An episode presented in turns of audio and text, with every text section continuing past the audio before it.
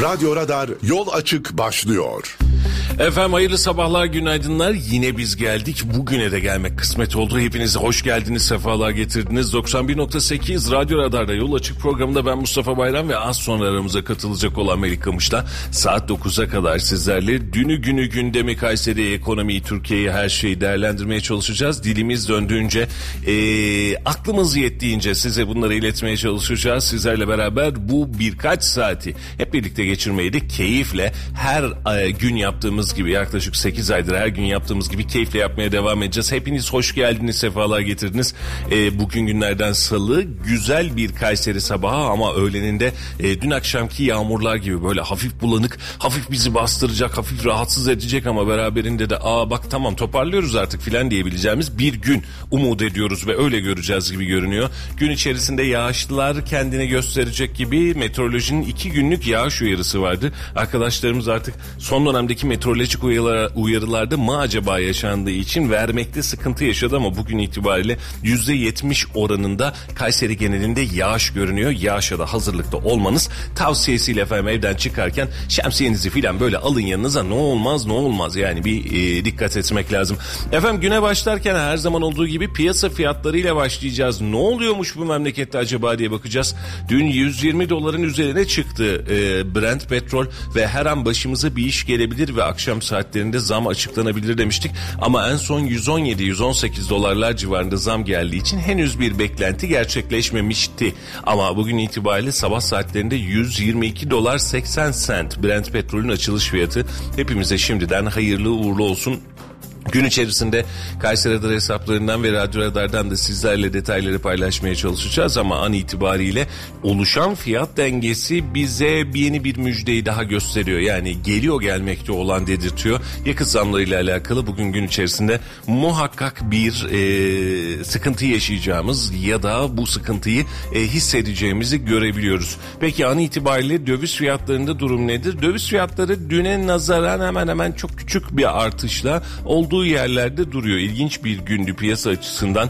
16 lira 38 kuruş şu an bankalar arası piyasada dolar fiyatı 17 lira 62 kuruşta euro fiyatı olarak baz alınıyor. Peki serbest piyasadan olmuş? Serbest piyasa 16 lira 42 kuruş dolar pozisyonu alırken 17 lira 64 kuruşta euro olarak kendine e, gösteriyor. Peki altında durum nedir? 1852 dolar ons fiyatımız varken gram altında 984 lira çeyrek altın altında ise 1608 liralık fiyat gözümüze çarpıyor. Bu da günün ilk başlıkları ve ilk haberleri olarak karşımıza çıkmış oldu. Melih'ciğim hoş geldin. Hoş bulduk günaydınlar. Günaydınlar efendim.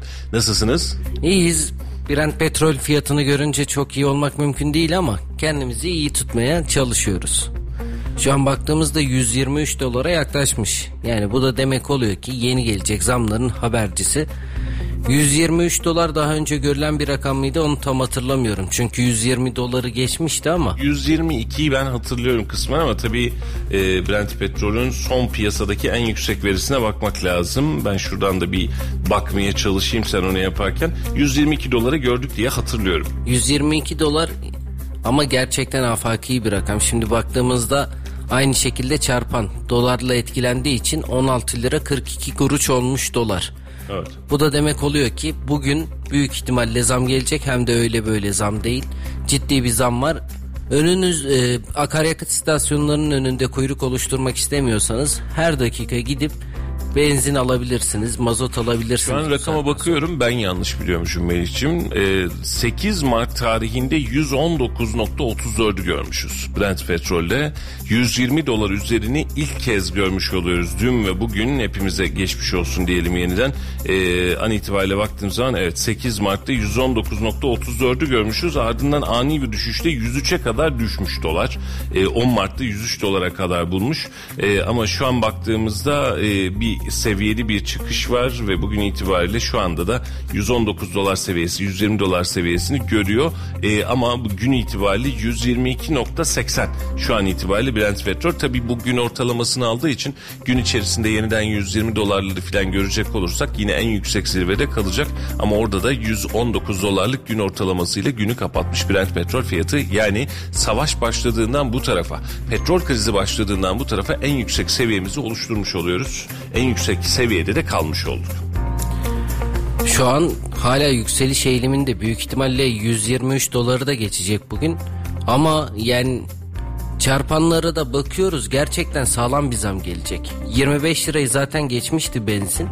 Bununla beraber 30 lirayı görebilir miyiz? Yo yo yo bu bu bu zam Yok, bu zamla beraber değil. Ha, Eğer bu şekilde süreçte. devam ederse y- 30 E, lirayı ki. da görebilir. Yani şimdi artış devam eder derseniz sonucuna katlanırsınız ama şu an itibariyle 122 dolar seviyesinde evet bu akşam bir zam görünüyor.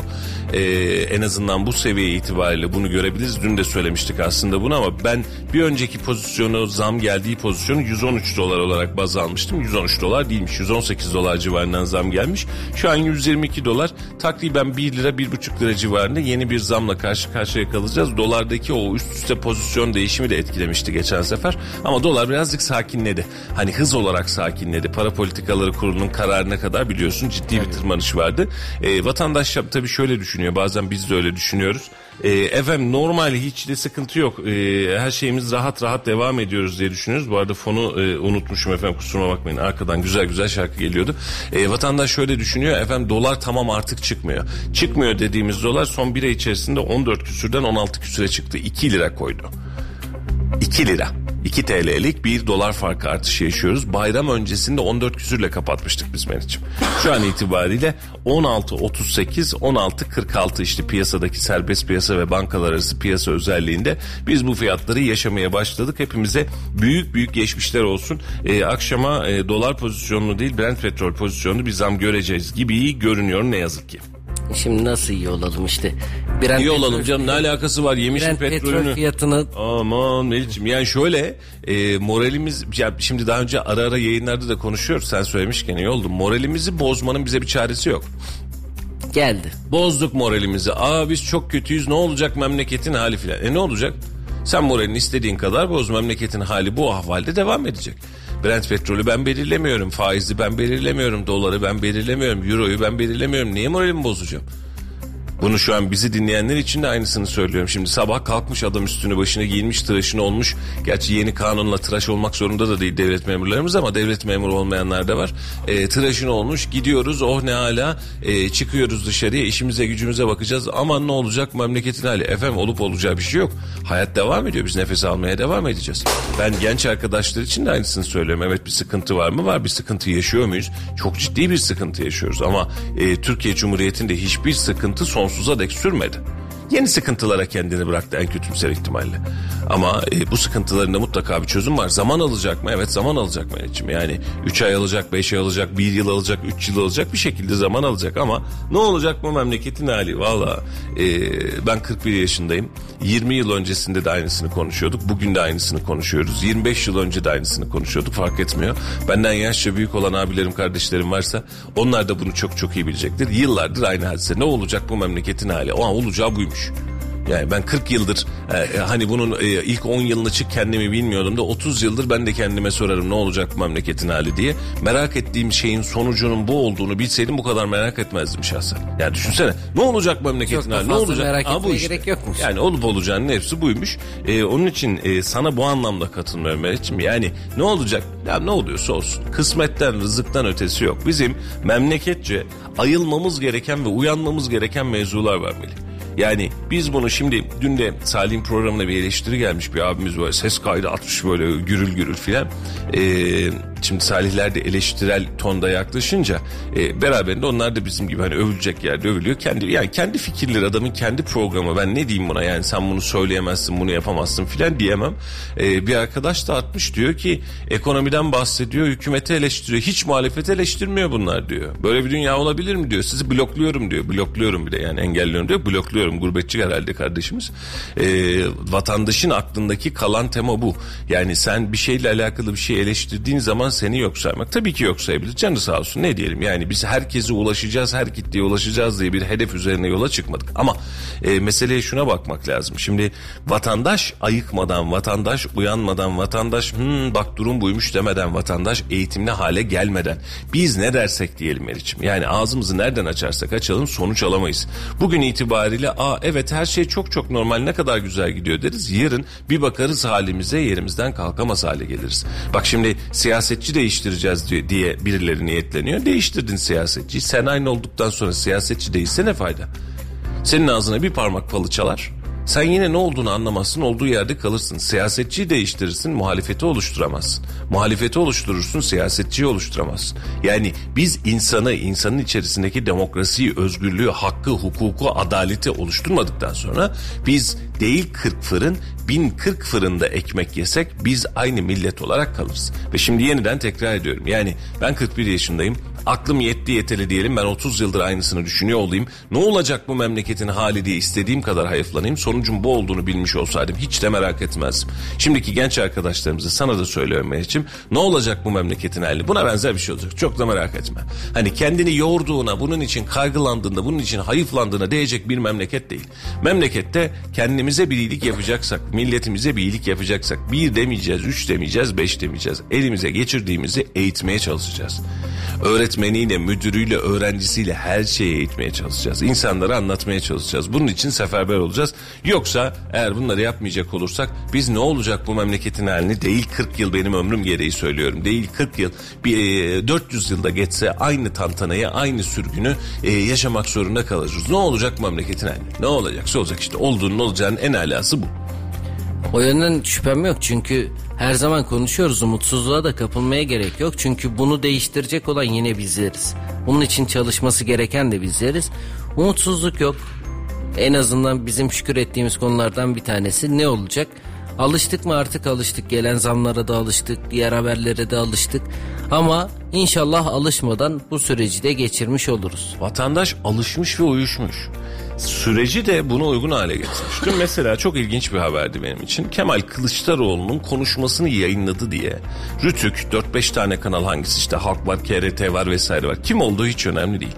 Bu kanallara ceza uyguluyor. Hayda. Ya nasıl yapabilirsin bunu? Nasıl bir mantık bu? Düşünsene. Şimdi biz Tayyip Erdoğan ekrana çıktığı zaman ne yapıyoruz? Yayınlar açıyoruz değil mi Meriç'im? Yayınları açıyoruz. Ne diyorsa aynısını veriyoruz. Şimdi Tayyip Erdoğan'a karşı olan bir rütük kurulu olsaydı bununla alakalı bize ceza mı kesecekti? Demek Radyonuzda kesecek. bunu yayınladınız diye. Karşınızdaki insan şu bu değil. Muhalefet lideri. Türkiye Cumhuriyeti'nde bir muhalefet partisinin lideri. Hatta ana muhalefet partisinin lideri. Karşısına çıktığı zaman ben bunu canlı yayın veremeyecek miyim? Bir programı varmış bunu açamayacak mıyım? Bundan dolayı Rütük ceza mı verecek bize? Ha şimdi şunu anlarım mesela yayın bitti yayından sonra oradaki yorumcular konuştu atar yaptı. Tamam anlarım problem diyeceğim buna ceza verebilirsiniz. Kemal Kılıçdaroğlu'nun yayınını verdik diye ceza vermek nedir ya? Bu nasıl bir sopalamaktır? Bu nasıl bir korkutma e- eylemidir? Var mı kararda başka bir şey bakabildin mi? Bakıyorum şu an. Tele1, KRT TV, Flash ve Halk TV para cezası verilmiş. Sebep İşte açıklama yapıldı diye. açıklamayı yayınladı diye. Efendim böyle bir dünya olamaz. Bu Olmaz. bir kaçış planının anatomisi diye açıklama yapmışlar. Tamam. Onu Tamam. açıkladılar diye. Ya şimdi muhalefet lideri açıklıyor. Ben şimdi örnek olarak veriyorum. Kemal Kılıçdaroğlu bir şey açıklayacak. Meral Akşener bir şey açıklayacak. Ali Babacan bir şey açıklayacak. Ahmet Davutoğlu bir şey açıklayacak. Tayyip Erdoğan bir şey açıklayacak. Doğru mu? Bakanı bir şey açıklayacak. Vekili bir şey açıklayacak. Açıklayacak. Eğer bununla alakalı bir ceza vereceksen vereceğin ceza kime ait olur? Açıklayanın kendisine ait olur. Ne yaparsın? Dava süreci. Ha orada dokunulmazlık var. Dava açamıyoruz ama bu insanlar bunu yayın olarak verdi diye sen bu insanlara para cezası veriyorsun. Bu sopalamaktan, korkutmaktan, yıldırmaya çalışmaktan başka nedir Allah aşkına? Sansürden başka bunun adı ne olabilir ki? Hani şuradan yurt dışından herhangi bir adam geldi bir açıklama yapacak. Sen de kameraları açmışsın adını sanını bilmiyorsun nereye gideceğini bilmiyorsun falan böyle oturursun bir gerilirsin ister istemez. Muhalefet lideri açıklama yapıyor ve bu açıklamanın içerisinde sen açıklamayı yaptı diye radyo televizyon üst kurulu tarafından ceza veriyorsun. Nokta. Yani nokta hakikaten nokta. Ve o gün de açıklama yaptı. Kemal Kılıçdaroğlu dedi ki saat 22'de bir açıklama yapacağım dedi. Şans eseri açtınız. Neymiş bu açıklama? Hadi ben de canlı yayında vereyim dediyseniz yandınız. Aynen öyle. Bilmiyorsunuz da. Ya bilme şansın yok sen basın kuruluşusun Veli. Şimdi o gün biz bile hani normal sabah saati sabah aksiyonu gibi olmuş olsa anladın mı? Hani bakanlar kurulu filan alışkınız bir saat 19'da 20'deki açıklamalar alışkın ama 22. Hani haberi geldi yani eğer gün içerisinde çok önemli bir açıklama yapacağım diye muhalefet lideri açıklama yapsa saat şu saatte dese biz bile canlı yayında verirdik. Niye ne? Ya ben merak ediyorum. Ben merak ediyorsam toplum merak ediyor. Benim işim ne? Toplumu bu, bu anlamda aydınlatmak. Doğru mu? Haberdar bir, etmek. Bir adam açıklama yapıyor. Sen şimdi bu kanallar e, yayınlamasaydı Kemal Kılıçdaroğlu lafını sözünü ulaştıramayacak mıydı? Sosyal medyadan istediği kadar dağıtamayacak mıydı? Dağıtacaktı. Onlara ne ceza kesecektin? Sosyal medyaya yapamıyorsun bunu adam tak diye yayın açıyor gidiyor. Ama radyo televizyon üst kuruluna ben tabi oldum diye ha, sen bu yayını yayınladın mı sen gör gününü diyorsun basıyorsun tokadı basıyorsun tokadı. Ondan sonra da diyorsun ki hadi yap bir daha. Hadi yapsın bu adam. Şimdi yarın bir gün düzen değişti. Yarın bir gün oldu ya düzen değişti. Radyo televizyon üst kurumu aynı reaksiyonu mu verecek? Tayyip Erdoğan açıklama yaptığı zaman bunu yayınlayarak para cezası mı kesecek? Kanal kapatma mı getirecek? Böyle bir şey olamaz. Böyle bir şey olamaz. Yani hukuken, ahlaken, basın sansürü itibariyle hiçbir şey o kirli olamaz. Ama ne radyo ve televizyon birlikleri, meslek birlikleri, ne basın kuruluşları, ne de basın örgütleri bununla alakalı bir açıklama yapmamayı tercih etti. Senin e, basının benim basınım diye bir şey yok. Basın özgürdür ve haberini vermek durumunda. Tarafının kim olduğu önemli değil. Bunun aynısını başka bir süreçte yani bunun tam tersi için olmuş olsaydı yine aynısını söylerdim. Ama yaşadığımız tablo eşittir bu. Hani nereye gidecek bu millet? Sesimiz çıktığı zaman, sahiplendiğimiz zaman, ne olacak dediğimiz zaman geçtiğimiz gün hatırlıyorsun bizde de bir yorum vardı. Hani şöylesiniz, böylesiniz, iyisiniz vesaire. İyi olmasının ya da insanların bir şey yapmasının karşılığında o insanları bir şekilde sahip çıkmak lazım. Şimdi Tele1 ben seyretmedim. Kim var televizyonunda bilmem. Gerçekten söylüyorum bunu. Yani Halk TV ve bunun karşılığındaki AK Parti tarafındaki Halk TV'ye benzer TV'leri ben hiç kadrajıma almadım. Haberci olarak bu adamlar ne diyormuş diye bakmak dahi istemedim. O kadar midem bulanıyor açık söylüyorum. Ama bu insanlar bir açıklamayı yayınladı diye para cezası alıyorsa hangi parti olursa olsun, hangi kanal olursa olsun ben bunun karşısında dururum ve bunun yanlış olduğunu anlatırım. Bu ama bu kadar meslek birliğinin içerisinden ses çıkmıyorsa bu da onların belki de mesleki olarak ayıbı olarak ortaya çıkar Melih'ciğim. Fazlasıyla aynı şekilde Fox TV'nin haber sunucusu Selçuk Tepeli. Geçtiğimiz günlerde bir bardak fırlatma olayı vardı. Onun neden neden göstererek Rütük o kanala da ceza kesmiş. Ne demiş? Belli mi karar? Bir bakayım tam. Yok şu an için uzun uzun var.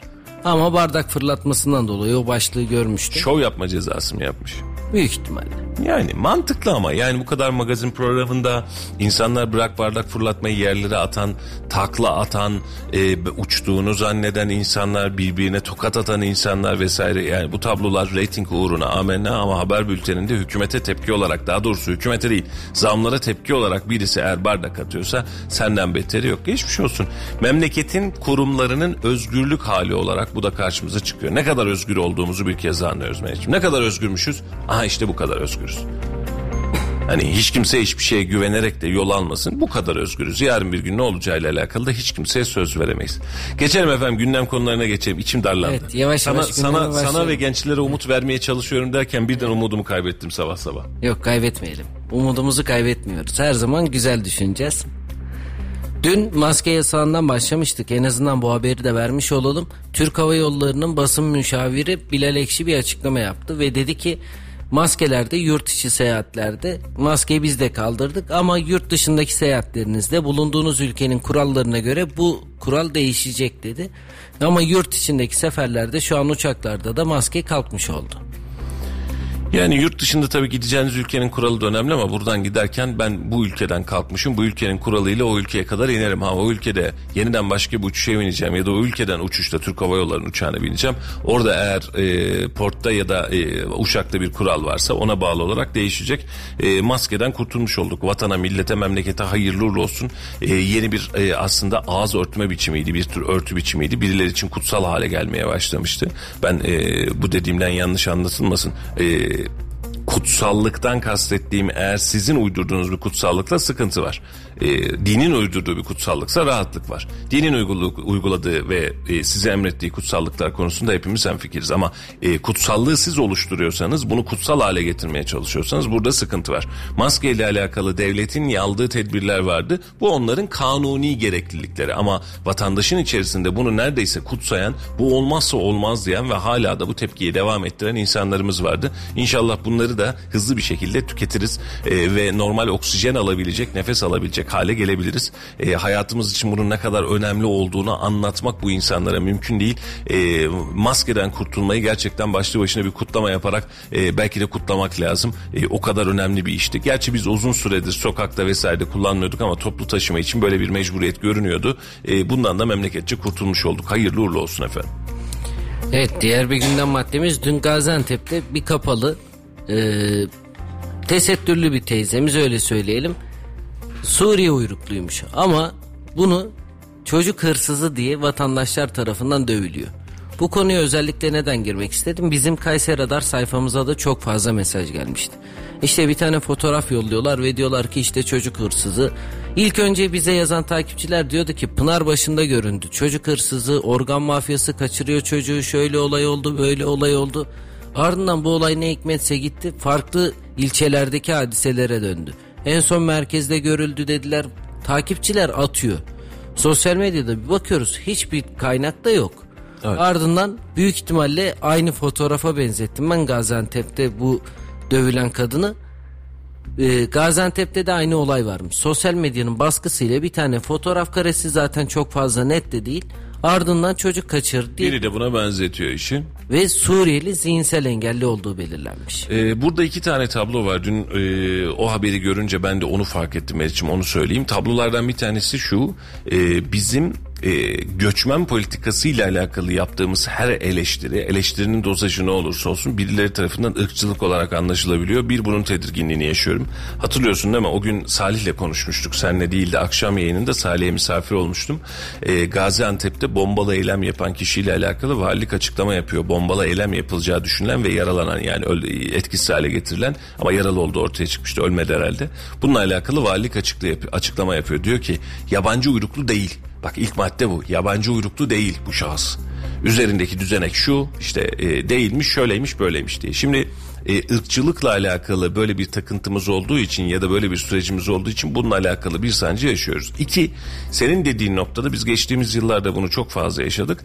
Bir dezenformasyonla WhatsApp grupları, okul WhatsApp grupları üzerinden bizim okulun etrafında görüldü, şöyle olduğu söyleniyor, emniyet böyle bilgi verdi aman dikkat edin. Bir bakıyorsun örnek veriyorum aydınlık evlerde çıkıyor. Bir bakıyorsun hürriyet ya tamam bu birbirine yakın olabilir. Bir bakıyorsun ilden, bir bakıyorsun Pınarbaşı, bir bakıyorsun Bünyan. Ya arkadaş hepiniz mi gördünüz aynı okulun etrafında aynı kişiyi aynı fotoğrafla? Ve dediğin gibi öyle bir e, kara haber tez duyulur hengamesi var ki kara haber olduğu için ve insanların dikkatini çekecek haber olduğu için herkes birbiri arasında yayıyor. Ve diyorsun ki efendim bunu siz mi gördünüz ben gördüm bizim okuldan geldi yemin ediyor bir de. Neden yemin ediyor? Öğretmen Söylesen göndermiş. yemin edecek. Tabii tabii ediyor ediyor. Öğretmen göndermiş. Yani şimdi mesela e, başka hadiselerde de sosyal medya ne yazık ki bu anlamda başımıza geliyor. Bize bir haber geliyor tamam mı? Yani haber Kayseri ile alakası yok. Burada olmadığı kesin. E, efendim diyor gerçekten böyle diyor. Yemin ederim diyor. Efendim siz mi gördünüz siz mi çektiniz bunu diyor. Hani özellikle sor siz mi çektiniz? Ya ben çekmedim de diyor işte e, bir şu gönderdi diyor. O gönderince onun çektiğini zannediyor. Kendisi için değil onun için yemin ediyor. Sosyal medyanın da okur yazarlığı olmalı. İnsanlar da bunu anlamalı. Güvenmediğiniz kaynaklardan gelen özellikle WhatsApp grupları en büyük baş belası. Çünkü bulan bulduğunu atıyor ve bir kontrol mekanizması yok. Güvendiğim biri atınca şimdi Melih grubu atıyor diyor ki bak böyle bir şey varmış haberiniz olsun diyor. Aa Melih attı ben Melih'e de güveniyorum ya kesin doğrudur. Bunun için sosyal medya gruplarına, WhatsApp gruplarına, sosyal medya sayfalarına bu bilsek dahi e, dikkatli ve temkinli olmak akıl süzgecinden geçirmek lazım. Kaynağı belirli olmayan, basın kuruluşu halinde olmayan, sadece asparagas üreten e, sayfalarla, formüllerle uğraşmamak lazım. Bunları takipten çıkmak lazım. Çünkü çok hızlı beğeniyoruz, çok hızlı takipleşiyoruz, çok hızlı alıyoruz. Onun sonrasında diyoruz ki bak böyle değilmiş aslında diyoruz ve bu bir e, şehir efsanesi olarak dillere destan oturuyor. E, Suriyeli e, engelli, zihinsel engelliydi herhalde. E, kardeşimize geçmiş olsun dileyelim. E, bazen ağzınız var diliniz yok dediğiniz hadise bu olur. E, hiç olmadık yerden dayak yersiniz bedavadan. Oluyor. Bura Türkiye oluyor efendim böyle şeyler. Sosyal medyadaki o güç de çok önemli. Şimdi kontrol edilebilir bir güç olması lazım ki vatandaşları da bu tür konularda uyarın ama kontrol edilemeyen bir güç de var aslında. Dün Toplumun her kesimi için. Aynen Melih. Dünkü söylediğimiz hatırlıyorsun değil mi? Bu kanunla alakalı konuştuğumuz dezenformasyon yasasıyla alakalı. Efendim burada en büyük güç yetkililerin kendisine düşüyor. Yani şimdi siz düşünsenize hani bir şey dönüyor ortada şehirde tamam mı? Yani mesela örnek veriyorum e, terör saldırısı yapılacakmış. O terör saldırısı bombalı saldırı yapılacakmış filan. Bu şehir efsanesi çok hızlı atıyor. Bunun böyle olmadığını söylemek için size güç düşüyor, yük, yük düşüyor. Yani çıkacak birileri yetkililer bu işle alakalı sorumlu insanlar diyecek ki hayır efendim böyle bir şey yok. Bu haberlere itibar etmeyin diyecek. Kapatacak konuyu ve gündemi. E bunu yapmak için tüm şehirlerde buna uygun mecralar ve hadiseler mevcut hali hazırda. Ama siz cevap vermezseniz, siz anlatmazsanız, siz necisiniz demezsiniz. Karşınıza çıkan sonuçta vahtüh edersiniz. Ve şu anda da vahtüh ettiğimiz gibi. E, bunu çok uzun zamandır yaşıyoruz. Yani ortada bir enformasyon yani bir bilgi var. Bir de dezenformasyon var. Şimdi e, dezenformasyonu bozmak için sizin doğru enformasyonu vermeniz lazım. Doğru bilgiyi vermeniz lazım. Sen doğru bilgiyi vermezsen yanlış bilgiyle birileri o gündemi o boşluğu dolduracaktır. E sen doğru bilgiyi verirsen vatandaş da ha bak bu böyle değilmiş diyecektir. E, bu anlamda hızlanmamız bu anlamda çok daha etkili olmamız lazım. E, Kayseri'de de öyle. Mesela bir bakıyorsun hiç olmayacak yerde çok ciddi bir bilgi yoğunluğu var. Olacak yerde bilgi yok. Ses yok. Kapatıyoruz üstünü ağzımızı yüzümüzü kapatıyoruz olduğu kadarıyla devam ediyoruz. Bilgi vermediğiniz yerde birileri bu bilgi boşluğunu dolduracaktır. Ve bununla beraber verdiğiniz inandırıcılık da bitiyor artık belli bir müddetten sonra. 3-4 tane bunun gibi fake diyebileceğimiz haberler yayınlandığı zaman bundan sonraki gelecek gerçek haberlere karşı da insanların bir inanılmaz özgüven kırıklığı oluyor. Diyor ki böyle bir haber varsa geçen de görmüştük yalan çıktı bak yine aynı şekilde yalan haber çıkabilir diye. Aslında onun da umudu kırılıyor haber konusunda. Aynen öyle. Efendim şimdi Amerikan e, Avrupa Birliği ülkelerinin yıl sonuna kadar Rusya'dan alınan petrol miktarının %90 azaltılması üzerinde anlaşmasıyla beraber anlık olarak Brent petrol fiyatlarında uçuş ve dalgalanmayı ne yazık ki sabah saatleri itibariyle gördük. 122 dolarla açtığımız Brent petrol fiyatı şu an itibariyle 123.20 dolar. 123 dolar 20 sent olarak işlem görüyor.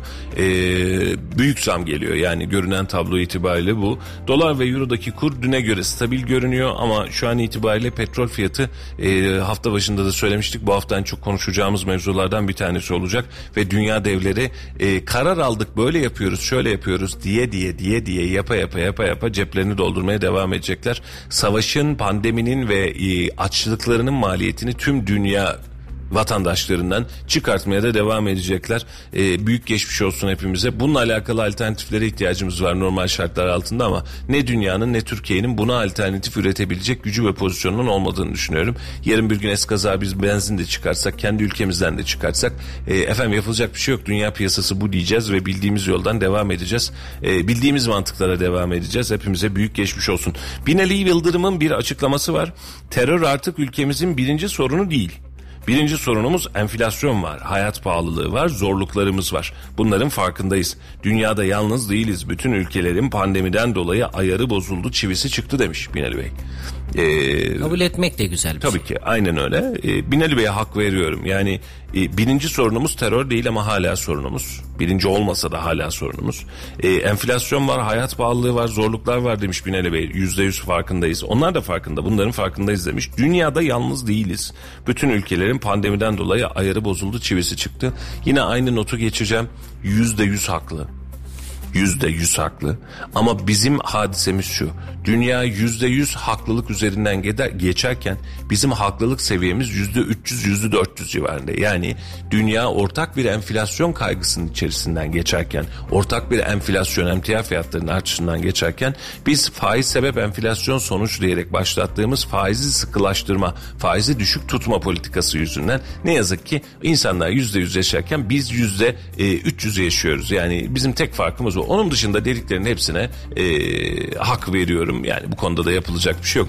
Mustafa Burcu Altun yazmış. Brent petrol yükseldi zam kapıda demektir. Akşama hazır ol Mustafa kardeşim.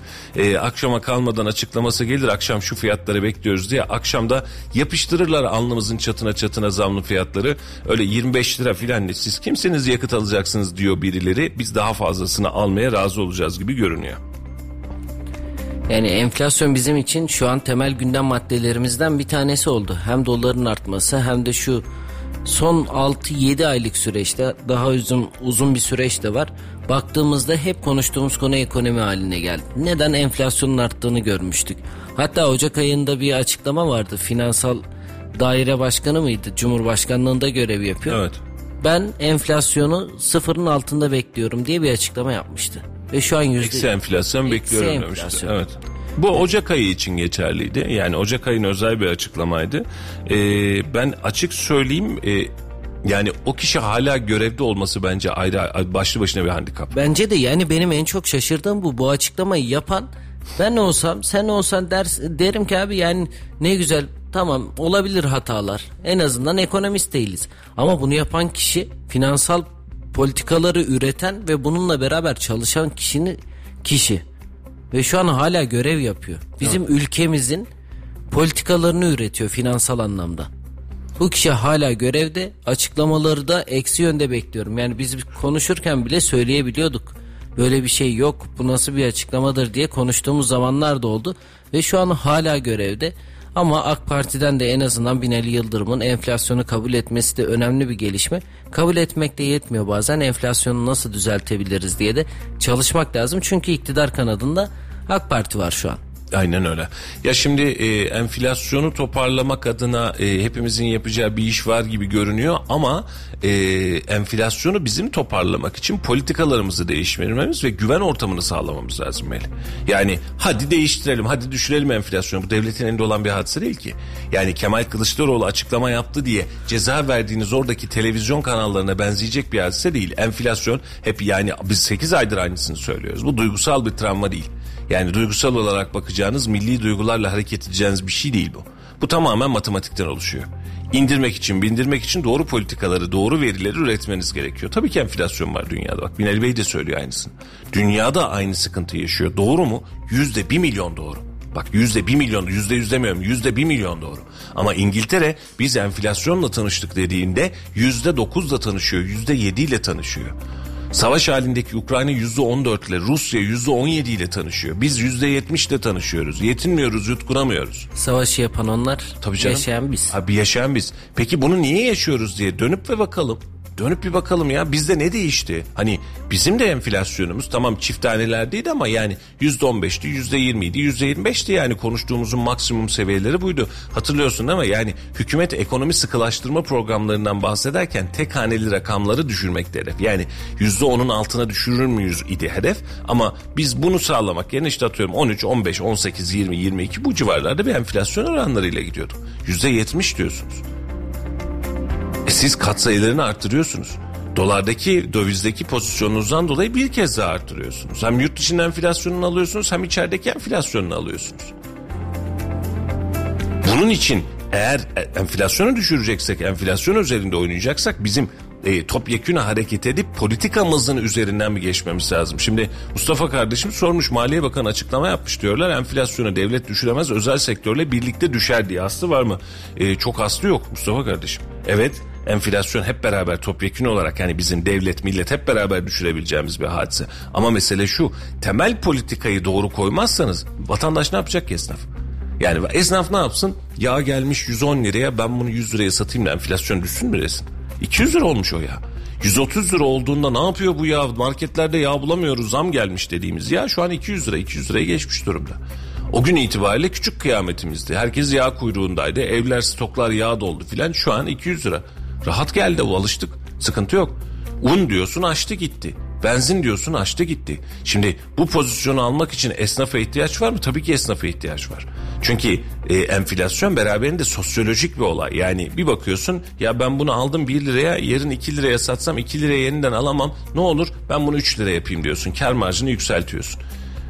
Kar marjını yükselttiğin için enflasyonda fazla köpürüyor. Doğru mu? Doğru. Evet esnafa düşen kısım burada ama onun öncesinde hükümete bir kısım düşecek.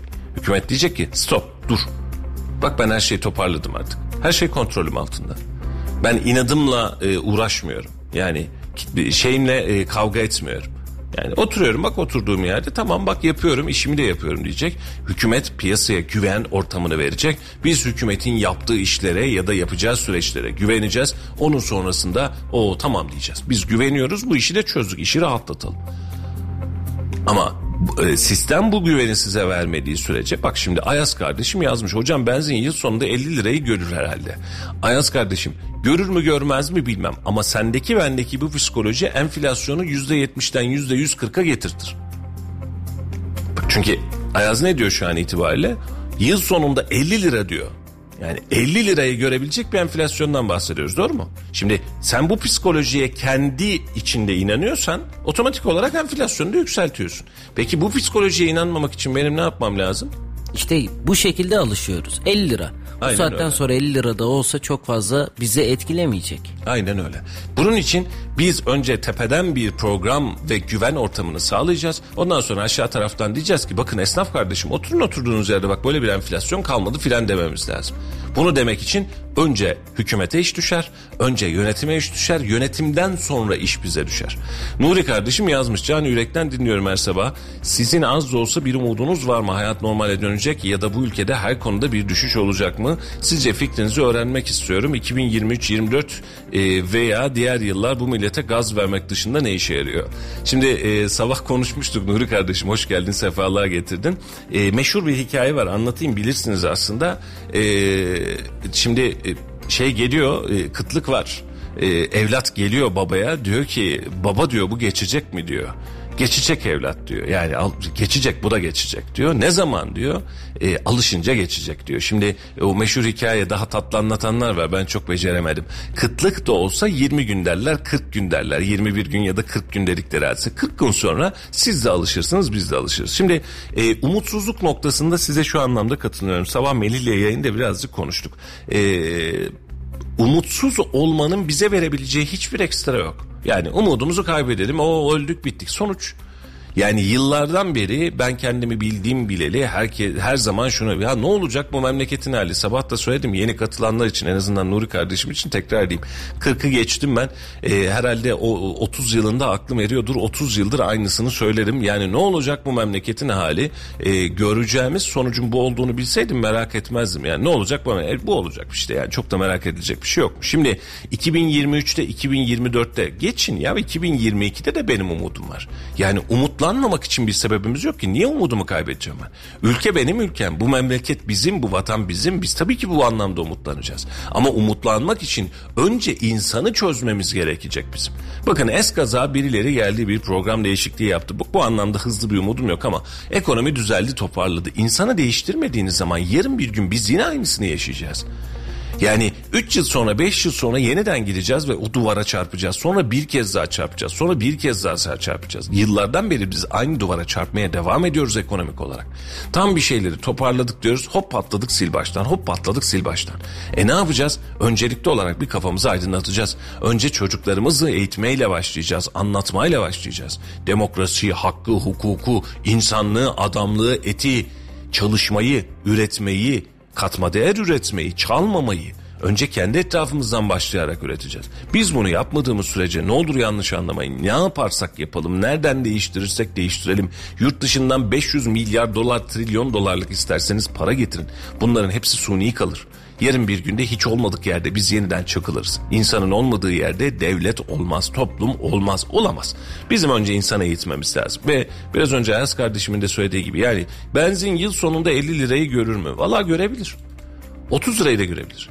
10 lirayı da görebilir. Bunun ne olacağını belirlemek için aklı başında insanlar lazım ve net bir politika lazım. Şimdi e, son soru üzerinde yeniden tekrar edeyim. Yani yakın dönem içerisinde hemen bugün yarın itibariyle devletin ekonomik sistem üzerinde ciddi bir revizyon yapabileceği kanaatinde değilim. Bunu yapmak için hem e, moralmen hem de finansal olarak bir güce ihtiyacınız var. Bu güce sahip olduğumuzu düşünmüyorum işin açıkçası. Ama e, hi, tamamen umutsuz mu? 2023'te 24'te düzelmez mi? Bakın şu an hiç kimse bir şey yapmasın. 3-4 yıl sonrasında yine düzelir bu. Yani her halükarda düzelecek. Ülkenin sanki e, gördüğü bugüne kadarki ilk ve son krizmiş gibi düşünmemek lazım. E, yaşı yetenler bilir biz bu krizlerden çok gördük, çok atlattık. E, inşallah dahasını atlatmayız ama ülkenin kafası bu yapıdayken biz daha bu krizlerden de çok fazla atlatırız. E, uzmanını laf sahibini dinlemeyiz. Herkes kendisini e, ben oldum diyerek bir şey zanneder. Karşımıza çıkan sonuçta da ne yazık ki e, ceremesini biz çekeriz. Dengesini biz bozarız ve bir bakmışız e, biz ödüyoruz maliyeti maliyetini. Şu an dünyadaki petrol devlerinin yapıp da bize maliyet ödettiği gibi bize maliyeti ödetirler. Oturduğumuz yerde de o maliyetleri gerçekleştirmiş oluruz. Onun için sizlerden istirhamımdır, ricamdır. E, memleket adına, ülkem adına dev umudunuzu kaybetmeyin. Umut kaybedilecek durumda değiliz. Tam tersine umudumuzu tazeleyip geleceğimizi kurtarmak zorundayız. Hani cephede asker savaşırken e, şehit olanlara Allah gani gani rahmet eylesin. Onlar adına biz gururlanır onurlanırız ya bu böyle bir şey. Yani umutlanmaktan vazgeçmek, umuttan vazgeçmek, ülkeden vazgeçmek demektir. Umutlanacağız ama doğru umutlanacağız. Doğru eylemlerle umutlanacağız. E, bir şey yapmak için değil, ülkemi kurtarmak için, geleceğimde çocuklarımı daha rahat bir ülkede yaşatmak için hep beraber e, taşın altına elimizi koyacağız ve bu memleket için umudumuzu korumaya devam edeceğiz. Evet Mehmetciğim. Benim bu programda öğrendiğim en önemli kurallardan bir tanesi umudunu kaybetmemek oldu. Ama bunu sözde değil. Çünkü gelecek dönemde çocuklarımıza miras bırakacaksak, güzel bir dünya istiyorsak bunu biz de başaracağız. Bu bizim de elimizde. Onun için çalışması gereken, hep şikayetlenmek yerine değiştirmek e, değiştirmesi gereken kişiler aslında biziz. O yüzden de bizim bu anlamda yapabilmemiz gereken en önemli kural umudumuzu kaybetmemek. Umudu ve emeği kaybetmeyeceğiz tabii ki Meriç'im. Ee, bu hepimiz için evla bir iş. Yani bir de şöyle bir hadise var. Vatandaş şöyle düşünüyor. Ne yapsak ki umudum yok. Peki ne yapalım kardeşim? Bana bir söylesene umudunun olmamanın alternatifini söyle. Ülkeyi terk etmek bir. En birinci günden bu. Zaten elin adamı da karnını göbeğini açtı seni bekliyor. Gel kardeşim gel diye. Var mı böyle bir dünya? Suriyeli umudunu kaybettiğinde yerinden evinden barkından çıktığında neyle karşılaştı? En iyimser tarafta bizle karşılaştı. Doğru mu? En iyimser tarafı biziz. Türkiye. E şu an ne hissediyorsun sen Suriyelilere karşı? Nokta. Herkes kendi içinde cevabını versin. E demek ki senin de gidebileceğin yerde karşılaşacağın tablo bu. Hani üç kişi beş kişi gidersen kalabalığın içerisinde kimsenin gözü görmez eyvallah dersin. Kaç kişi gitmeyi planlıyorsun? Kaç kişi gideceksin ya düşünsene. Ve sen kocaman bir ülkesin öyle azmaz bir ülke değilsin yani. 80 küsür milyonluk bir ülkesin sen. Yurt dışına çıkıyorum dediğinde fazla değil şöyle bir milyon insanı yurt dışına dağıtıyorum dediğin zaman geçmiş olsun. Bizim bu ülkede yaşamaktan, bu ülkede var olmaktan, bu ülkeyi var etmekten başka bir alternatifimiz yok. Ha şunu yapabilir. Melih der ki abi ben gidiyorum güle güle Melih'ciğim. Ama Melih sevdiği tüm insanlardan vazgeçmiştir. Ülkesinden vazgeçmiştir. Umudundan vazgeçmiştir. Gemisini kurtaran kaptan demiştir. Kendi gitmiştir. Geri kalanları Allah ne haliniz varsa görün. Allah belanızı versin demekle aynıdır. E, ülkenle alakalı da bunu söylüyorsun. Onu da biz yapmayız. Işte. E, bu, bu, bu, bu toprak bizim, bu vatan bizim. Ben başka bir vatanda doğmadım ki başka bir vatana gideyim. Var mı başka bir vatan olan? Hepimizin ortak derdi, hepimizin ortak kaygısı. E şimdi e, peki ekonomik sistem kötü, bizim sıkıntımız var ve biz çok fazla kazanamıyoruz. Ne yapalım efendim? Hadi gidelim, kopun kopun gidin bakalım. Yarın bir gün birileri sizi orada ırkçılık yapmaya çalıştığı zamandan kafatası avlamaya çalıştığı zaman, güvenliğiniz olmadığı zaman, size saldırdığı zaman o gün anlarsınız vatanın ve milletin değerini. Nereye kadar gidilebileceğini. Sen kurtardın çalışıyordun ama eşin çalışmıyor. Onun ne hale geleceğini sen düşüneceksin orada. Yarın bir gün çocukların o ortamın içerisinde başka bir kültüre alışmaya başladığı zaman o zaman anlayacaksın. Bunun için değerli kardeşlerim bizim yaşayabilecek tek bir vatanımız var. Tek bir memleketimiz var. Yani bizim çıkmak bir yerlere kaçmak dolar isterse 500 lira olsun. Benzin isterse 1000 lira olsun. Var mı yapacak bir şey? Yapacak tek şey bu sistemi düzeltmek için kullanılacak yapı taşlarını yerine oturtmak. STK'lardan başlayıp siyasi partilere kadar boş bıraktığımız her alanı sil baştan yeniden doldurmak. Sen olmadan ben olmadan bu ülkenin olmayacağını fark etmek. Bana dokunmayan yılan bin yaşasın. Benim işim gücüm var kim ne yaparsa yapsın dediğiniz her boşluğu gereksizler doldurdu. Gereksizler doldurdu. Ve siyasetin içerisinde değerli kardeşlerim hiçbir siyasi parti bunun kusuruna bakmayacaktır. Hepsinden büyük problemi bu çünkü.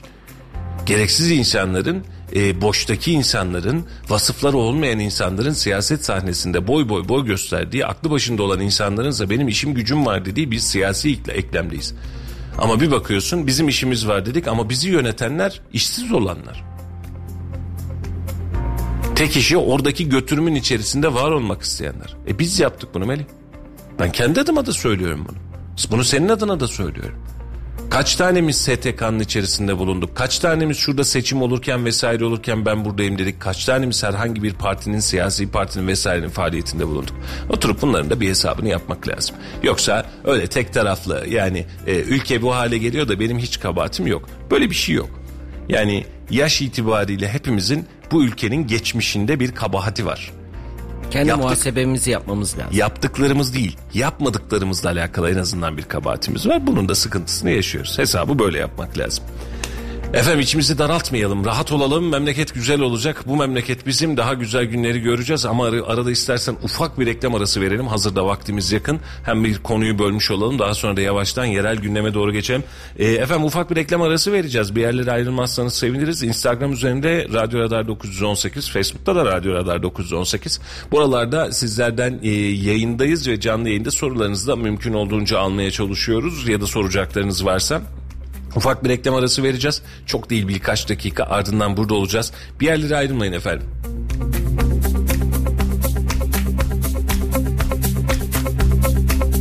Şimdi reklamlar.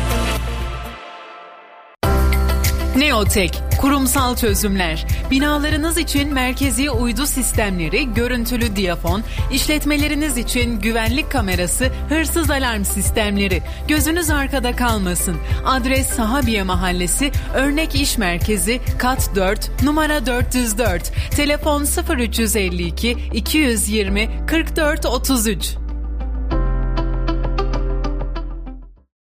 Stilles, Stilles. Blender'ım Stilles, çay makinem Stilles, cezvem Stilles, tost makinem Stilles. Stilles, Stilles. Artık mutlu herkes. İddia ediyoruz yok böyle fiyat. Orijinal lisanslı beslenme çantası sadece 49 lira 90 kuruş. Meyso Atlet AVM Vizyon Kırtasiye'de. Kelepçeler, setler, kolyeler, pırlantalar, altın ve döviz en iyi fiyata İhsan Mücevherat'ta. İhsan Mücevherat, Kazancılar Çarşısı, Katrancılar Sokak'ta.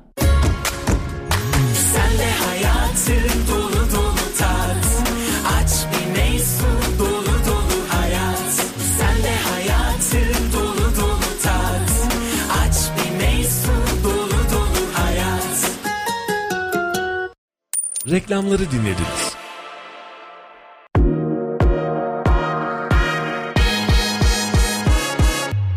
Bölgenin en çok dinlenen radyosunda kendi markanızı da duymak ve herkese duyurmak ister misiniz?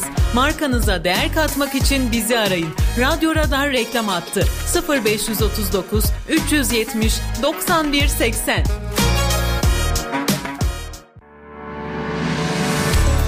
Salih Zeki Çetin'in sunumuyla konuşacaklarımız var. Hafta içi her gün saat 17'de radyonuz Radyo Radar'da. Sizi de bekleriz.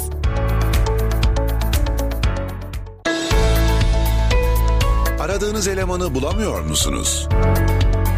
İşte Radar. Bölgenin en büyük iş ve yaşam platformu İşte Radar. Bize Instagram işte.radar, Facebook'ta İşte Radar ve www.işteradar.com internet adresimizden ulaşabilirsiniz. İşte Radar WhatsApp iletişim hattı 0538 397 4408.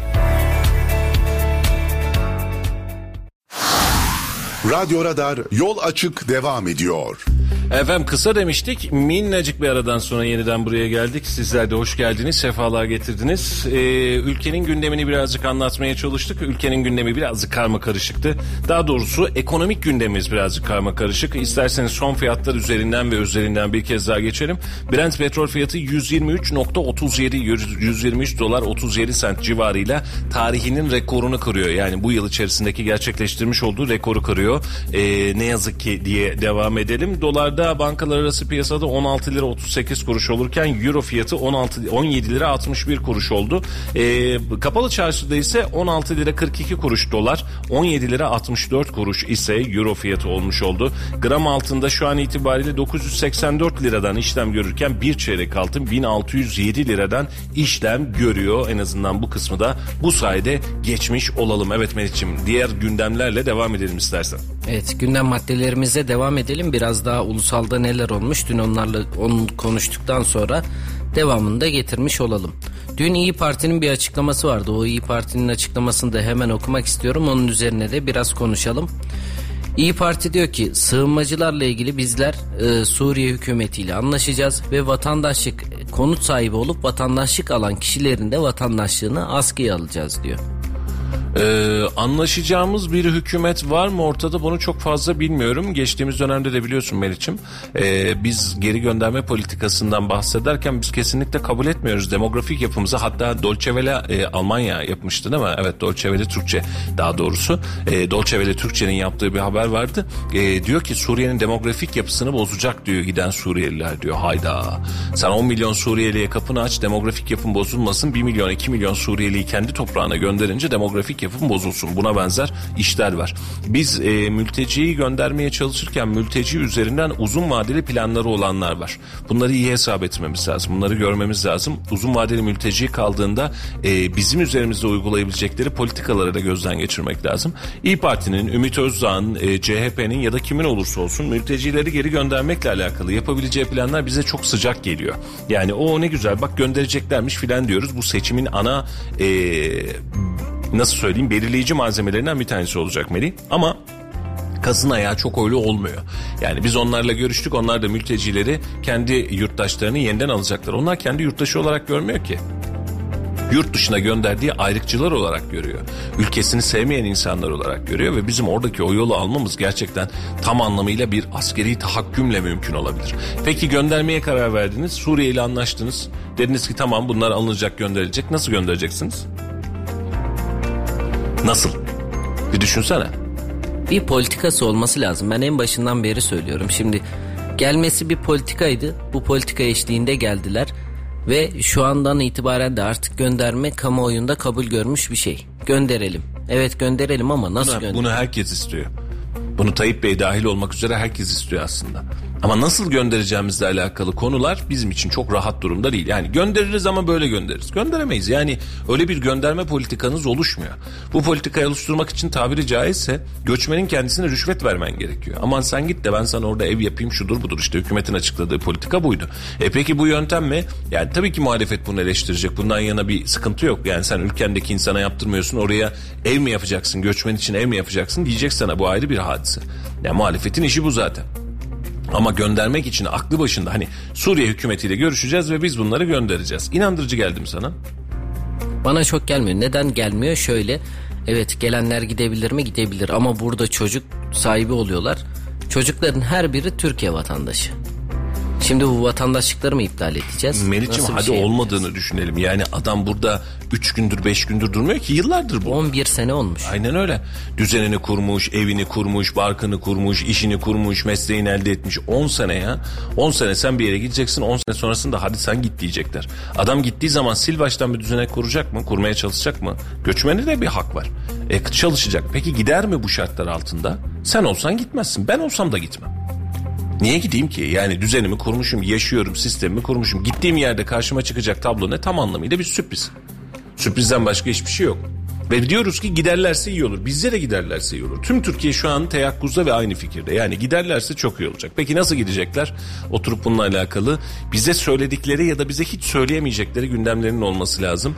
E, netlikler içerisinde gitmek lazım. Gitmezlerse ne olurun da ufak bir detayını vermiş olayım.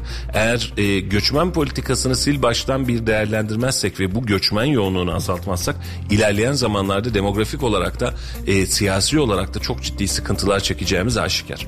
Yani göndermemiz gerekiyor net. Nokta net yani. Hiç bu anlamda silaf yok. Ama göndermeyi nasıl yapacağımız konusunda inan benim de çok fazla fikrim yok. Fikirlerim var ama e, çok e, şey değil. Legalize fikirler değil. Bunun için e, bunu e, politika olarak birilerinin oluşturması ve yapması gerekiyor ve bunu da tüm Türkiye'nin baştan kabul etmesi gerekiyor. Yani tüm Türkiye diyecek ki evet göndermemiz gerekiyor ve gönderiyoruz. Ve gidiyorlar.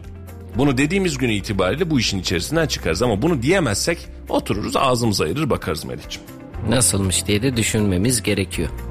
Evet dün Bakan Nebati'nin bir açıklaması var. Bakan Nebati diyor ki enflasyon ülkemizin ve dünyanın önemli bir problemi. enflasyonu en önemli öncelik olarak görüyoruz. Enflasyonun geçici nitelikte olduğunu düşünüyoruz demiş. Hazine ve Maliye Bakanı Nurettin Nebati. Ee, şimdi Sayın Nebati'nin açıklamalarını e, hevesle ve keyifle izliyoruz diyemeyeceğim. E, her seferinde sadece yüzümüzde tatlı ve acı bir tebessüm olarak oturuyor. E, Sayın Bakan'ın belki açıklamaları doğrudur ama şu ana kadarki yaptığı açıklamalarla bizim önümüze bir vizyon açmadığı için, açamadığı için bu anlamda bir sancımız var. E, evet enflasyon geçici midir? Enflasyon mutlaka geçici. Yani enflasyon bir yere kadar tırmanır, bir yerden sonra da enflasyon kendi kendini yemeye başlar. Bunu bir canavarın büyümesi gibi düşün, anladın mı? Bir yere kadar büyütürsün, sonra fiyat çıkacak yer bulamaz. Çünkü satın alma gücü kalmaz. Mesela ben sana başka bir enflasyon e, tüketme yöntemi açıklayayım. E, insanların cebindeki parayı azaltırsan enflasyon tükenir.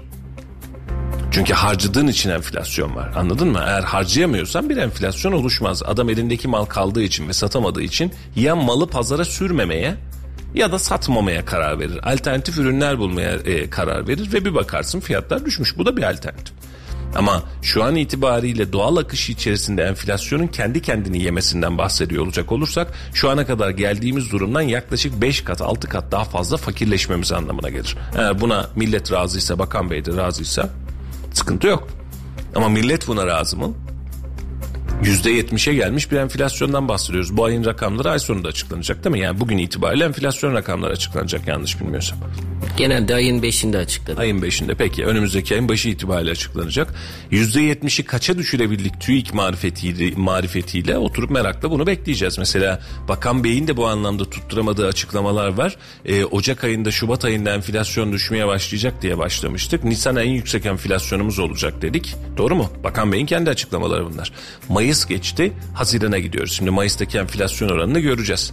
Eğer Bakan Bey'in dediği doğruysa %69.7'den daha aşağı bir enflasyonumuzun çıkması lazım. Fazlası çıktıysa Bakan Bey tutturamadı demektir. Hani daha azı çıktı derken kaç ne kadar daha azı çıkacak? 1 puan mı 2 puan mı? Ya da 10 puan mı 15 puan mı? Bunları da oturup hep beraber göreceğiz. E, pik rakamlara ulaştığımızı görüyoruz e, ve sancının da büyüdüğünü görüyoruz ne yazık ki. Bakan Bey'in açıklamaları piyasaya güven vermiyor nokta. Yani bana güven vermiyor şahsen. Yani açıklama dediğiniz insanlara güven verir. Der ki Aa, Bakan Bey açıkladı demek ki böyle olacakmış. Dün Bakan Bey'in bir açıklaması vardı hatırlıyorsun. İlk çeyrekteki büyüme rakamlarıyla alakalı %7 büyüyeceğiz. Göstergeler böyle diyordu. Gösterge böyledir doğrudur. %7 büyüdük mü Melih'ciğim? Sence ülke olarak büyüdük mü ya da vatandaş kendi üzerinde sorsun. Büyüyor muyuz biz diye bir tane sorsun. Eğer bunun cevabı onlar için evet büyüyoruz ve çok rahatızsa doğrudur büyüyoruz. Ama vatandaşın psikolojisi üzerinde böyle bir büyümeden bahsetme şansımız ne yazık ki yok. Bunun için de attığımız, ortaya attığımız savları, ortaya attığımız iddiaları çok rahat değerlendirebilmemiz lazım. Çok rahat ölçülebilir olması lazım. Biz ortaya attığımız malzemelerde sadece vatandaşa geçici olarak algılar vermeye çalışıyoruz. Şu an hükümet de ne yazık ki elinde olgular olmadığı için algılar vererek vatandaşı sakinleştirmek çabasında. Yani sakin olun geçecek bak bu da geçiyor oh ne güzel günlerimiz vardı bizim filan diye biz devam ediyoruz işin içerisinde. Peki orijinali böyle mi? Olmadığını sen de ben de şu an bizi dinleyen vatandaşlarımız da çok rahatlıkla biliyor. E, olgun olmadığı yerde algıyla devam ediyorsun. İzahı olmayan şeyin mizahı olması gibi. Yani bunun bir olgusu yok. Elde bir malzememiz yok. Bakan Bey bugün de çıksın, yarın da çıksın, ertesi gün de çıksın açıklasın. Ama an itibariyle bizim e, ne kadar güzel gidiyormuş diyebileceğimiz bir sistemimizin olmadığı aşikar. En azından bunu ben görüyorum. Vatandaşımız da görüyor.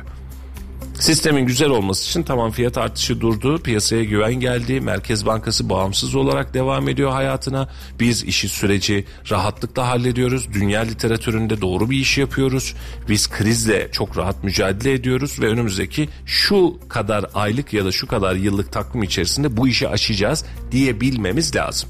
Bunu dediğimiz gün yırtacağız demezsek e, bu hengameyle yoğunlaşmaya devam edeceğiz Melih.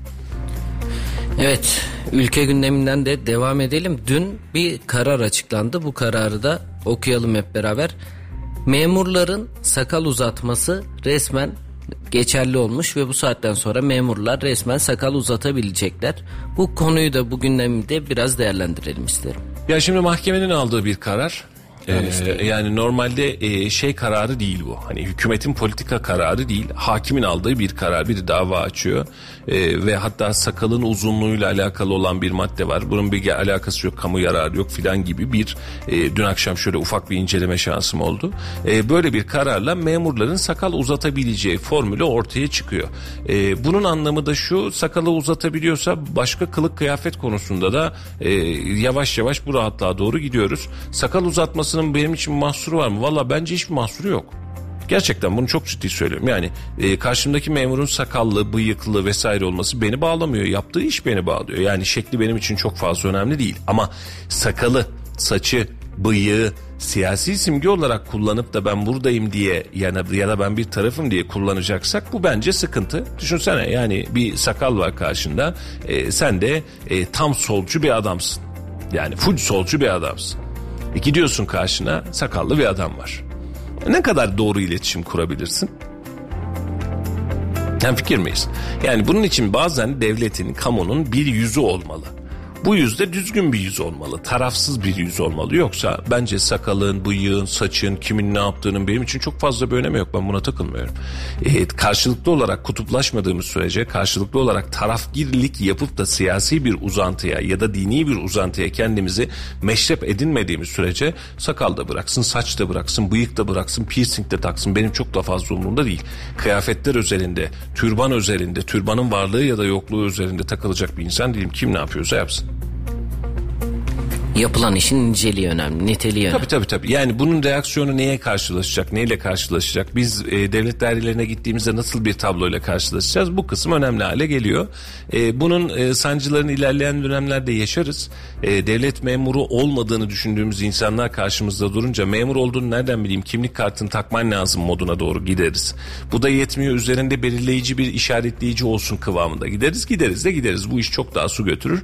E, ama e, şimdi mesela muhalefetin de bir toplantısı var biliyorsun altılı toplantı dün karar vermiş e, ve demiş ki biz e, 3 Temmuz'da yani Haziran'ı geçiyoruz 3 Temmuz pazar günü yeniden bir araya geleceğiz ama toplantı çok uzun sürdüğü için toplantılarımız çok uzun sürdüğü için e, genel başkanların kurmayları tarafından oluşturulacak bir sekreterya daha öncesinden toplantı yapsın biz son rutuşları atalım demiş. E, çıkan karar bu. Peki bir sonraki toplantı 3 Temmuz. Peki e, dün sabah habercinin bir tanesi aynı yorumu yapıyordu. Çok da hoşuma gitti. E, peki biz bu kadar yoğunluğun içerisinde biz bu kadar gündem yoğunluğunun içerisinde altılı toplantıdan ne bekledik? Tablo bu. Şimdi bu kadar memleket meselesinin içerisinde biz kamuoyunu ilgilendiren haberi ya da Twitter'daki trend topik haberini ne olarak bekledik? Sakal. Nokta. Yani bizim gündemimiz demek ki buraymış. Yani diğer gündemlerimizin çok bir hükmü yokmuş. Bu muhalefet için de geçerli, iktidar için de geçerli, adalet için de geçerli, vatandaşın kendi gözü için de geçerli. E, kıtlık kaç gün baba? 40 gün. 40 günden sonra ne oluyor bitiyor mu? Yok alışırsın. Tablo bu.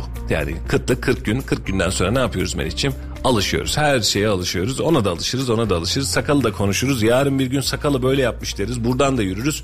Ee, bir 10-15 günde gündemi öyle meşgul ederiz. Ee, hele bir geçsin bakalım günler. Yoksa diğer türlü e, kelimiz ortaya çıkar. Bunları konuşmamak lazım. Evet ara ara Brent petrole de bakıyorum. Brent petrol ne oldu diye 122.80 122 dolar 80 sentle açılışı yapmıştık biz programımıza başlarken şu an itibariyle 123 dolar 58 sent olmuş. Sürekli de bir artış eğiliminde. Evet burada da demek istediğimiz sürekli bir zam geliyor ve Brent petrolden kaynaklı akaryakıta da zam gelecek. Bunu da belirtmiş olalım. Evet bugün akşam saatlerine kalmadan önden haberi gelir e, ardından da e, bunu açıklamış oluruz herhalde muhtemel itibariyle e, hepimize e, hayırlı uğurlu olsun denilecek bir şey yok. Geçmiş olsun. Evet yerel gündemden de haberlerle devam edelim. Vali yeni valimiz Gökmen Çiçek atandığı günden bugüne farklı farklı her ilçeyi gezmeye çalışıyor. İlçelerde de açıklamaları var. Bununla beraber de Yeşilhisar'la ilgili bir açıklaması var. Yeşilhisar'da anaokulu yapılacakmış. Aynı şekilde de Tür, e, Kayseri'nin turizm merkezi olan Soğanlı Vadisi'nde geçtiğimiz günlerde bir inceleme yapmıştı.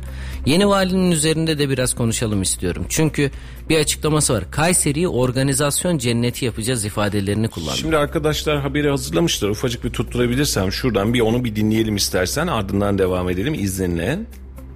Çiçek de katıldı. Vali Çiçek şunları ifade etti. Biz e, Edirne'den Ardahan'a e, gerçekten al bayrağın altında birlik ve beraberlik içerisinde yaşayan muhteşem bir coğrafyanın çocuklarıyız. Ama bizim aynı zamanda bu sınırlar dışında bir gönül coğrafyamız var. Gönül coğrafyamız e, Pakistan'dan Hindistan'dan birçok yerden e, Mekke, Medine hepinizin bildiği gibi dünyanın birçok Kırgızistan, Özbekistan bunlar bizim gönül coğrafyalarımız. Buradaki gençlerle beraber Türk gençlerinin kol kola dünyadaki haksızlığa, hukuksuzluğa, adaletsizliğe dur diyecek gençlerin buradan çıkacağına inanıyorum. Buradan e, dünyaya başka bir ses verdiklerine inanıyorum. Kardeşlik, birlik, beraberlik içerisinde. İnşallah dünyaya e, buradan verilen sesle e, Türk milleti tekrardan Türk gençleriyle bu sevgili gençlerimiz adalet hukuku getirecektir diye düşünüyorum. Şöyle Kayseri bir kere gerçekten e, muhteşem bir coğrafya, muhteşem bir yer. E, bunu e, geldikten sonra bir kere daha anladığımı ifade etmek istiyorum. Yani ben Kayseri'nin çok e, önemini, özelliğini biliyordum. Fakat geldikten sonra özellikle bir birkaç gün içerisinde gezdiğim yerleri gördükten sonra bu şehre hayran olmamak, aşık olmamak mümkün değil. Bizim yapmamız gereken şey e, Kayseri merkezde özellikle e, kültürel organizasyonlara çok fazla ağırlık vermemiz gerekiyor. Vereceğiz inşallah. Hem belediye başkanımızla konuştuk hem ilçe belediye başkanımızla el ele vererek bundan sonra Kayseri'de organizasyon cenneti yapacağız ve çok büyük organizasyonlar yapacağız. Çünkü bu kadar güzel coğrafyanın, bu kadar güzel eserleri tüm Türkiye'ye, sadece Türkiye değil, dünyaya tanıtmamız lazım. Kayseri sadece Türkiye'deki büyük şehirlerle değil, Avrupa'daki metropollerle yarışacak bir e, potansiyele sahip. Efendim e, Sayın Valimizin açıklaması e, Kayseri'yi bir organizasyon cenneti yapacağız demiş Sayın Valim. Şimdi Vali Bey özelinde de e, birazcık çekiştirelim dedikodusunu yapalım aradan. Dedikodu denmez buna ama yapmış olalım. Çok hızlı başladı Melih. Yani müthiş hızlı. Öyle böyle değil. Ee, bir bakıyorsun e, böyle çok rahat hareket ediyor e, çok hızlı aksiyonlar veriyor. Mesela e, bir dönem arkadaşlarla acaba bir kişi valiyi takip etsek mi dedim. Herhalde muhtemelen biz haberciler olarak bu hızı yetişemeyiz. Sabahından akşamına kadar her an programı var e, çok popüler bir vali haline geldi ve çok da çok daha da popüler olacak gibi görünüyor. E, başlangıçta zaten ortalama benim bir tahminim vardı. E, şehrin donuk yüzü yerine şehrin gülen yüzü olmak, rahatlatan yüzü olmak, seçime götüren yüzü olmak, siyasetin boşluğunu toparlayabilmek adına bir pozisyona ihtiyaç vardı. Bir vali ihtiyaç vardı ve şehri tabiri caizse hani e, kaba söyleyeceğim bunu seçime götürecek bir validen bahsediyoruz. Yani seçime kadar şehri rahatlatacak, pozisyonu rahatlatacak, herkesi mutlu edecek bir validen bahsediyoruz. Açıklamalar da öyle. E, çok da pozitif. E, başlangıçta hala e, ben kendi adıma tedbirliyim şunun için. Hani yarın bir gün karşımıza ne çıkacak? İcraatlar geldiği zaman ortaya ne çıkacak diye. E, geçtiğimiz günlerde bir yerdeki toplantısından biliyorum. E, sadece bunun haberi geldi. Ben sanayici değilim demiş. Siz ne diyorsanız buradayız. Hani ben sanayiciyi siz bilirsiniz. E, meslek örgütlerinin vesairenin dediği nokta ne varsa tamam demiş e, ve imzasını atmış. Çok ilginç bir tavır e, ve güzel bir tavır. Bir taraftan da pozitif bir tavır. E, arayı kapatacak, boşlukları dolduracak ve şehre pozitif bir hava vereceğini ortalama olarak görebiliyorum. E, bunu basın desteğiyle de çok rahatlıkla yapabilecek. Çünkü vatandaşın da gözü orada. Bu vali ne yapıyor? Ve çok rahatlıkla söylüyorum sana Melih'ciğim. Yıl sonuna geldiğimizde belediye başkanından, milletvekilinden, bakandan daha fazla Kayseri'de konuşulan bir vali olacak. Yani altını çizerek söylüyorum. Bu e, çok profesyonel hazırlanmış, çok rahat bir programlanmış. Kendisi çok profesyonel davranıyor burada. E, kameralara, mikrofonlara küs değil. Çok hızlı aksiyon alabiliyor. Kırmıyor, dökmüyor. E, pozitif yaklaşıyor, şakalaşabiliyor. E, ve dediğim gibi yani şu an Kayseri'de en popüler kim siyasetçi olarak gözünüzde Mehmet Özeseki geçin. E, Memduh Büyükkılıç geçin. Mustafa Palancıoğlu geçin. Mustafa Yalçın geçin. Bak hepsini geçin açık söylüyorum. Yani Sayın Valimiz e, Gökmen Bey önümüzdeki e, 3-5 ay içerisinde Kayseri'de çalmadığı kapı kalmayacak ve bir siyasetçiden bekleyebileceğimiz temas vurgusu ve aksiyon vurgusunu bizzat kendisi gösterecek ve yaşatacak ve vatandaş da şunu diyecek. Ya keşke vekilimiz bakanımız sen olsaydın kardeşim diyecek. Biz de bu şekilde bunu göreceğiz. Bak buraya yazıyorum 15 gün sonra sen yoksun ama dinleyicilerimiz burada devam ediyor.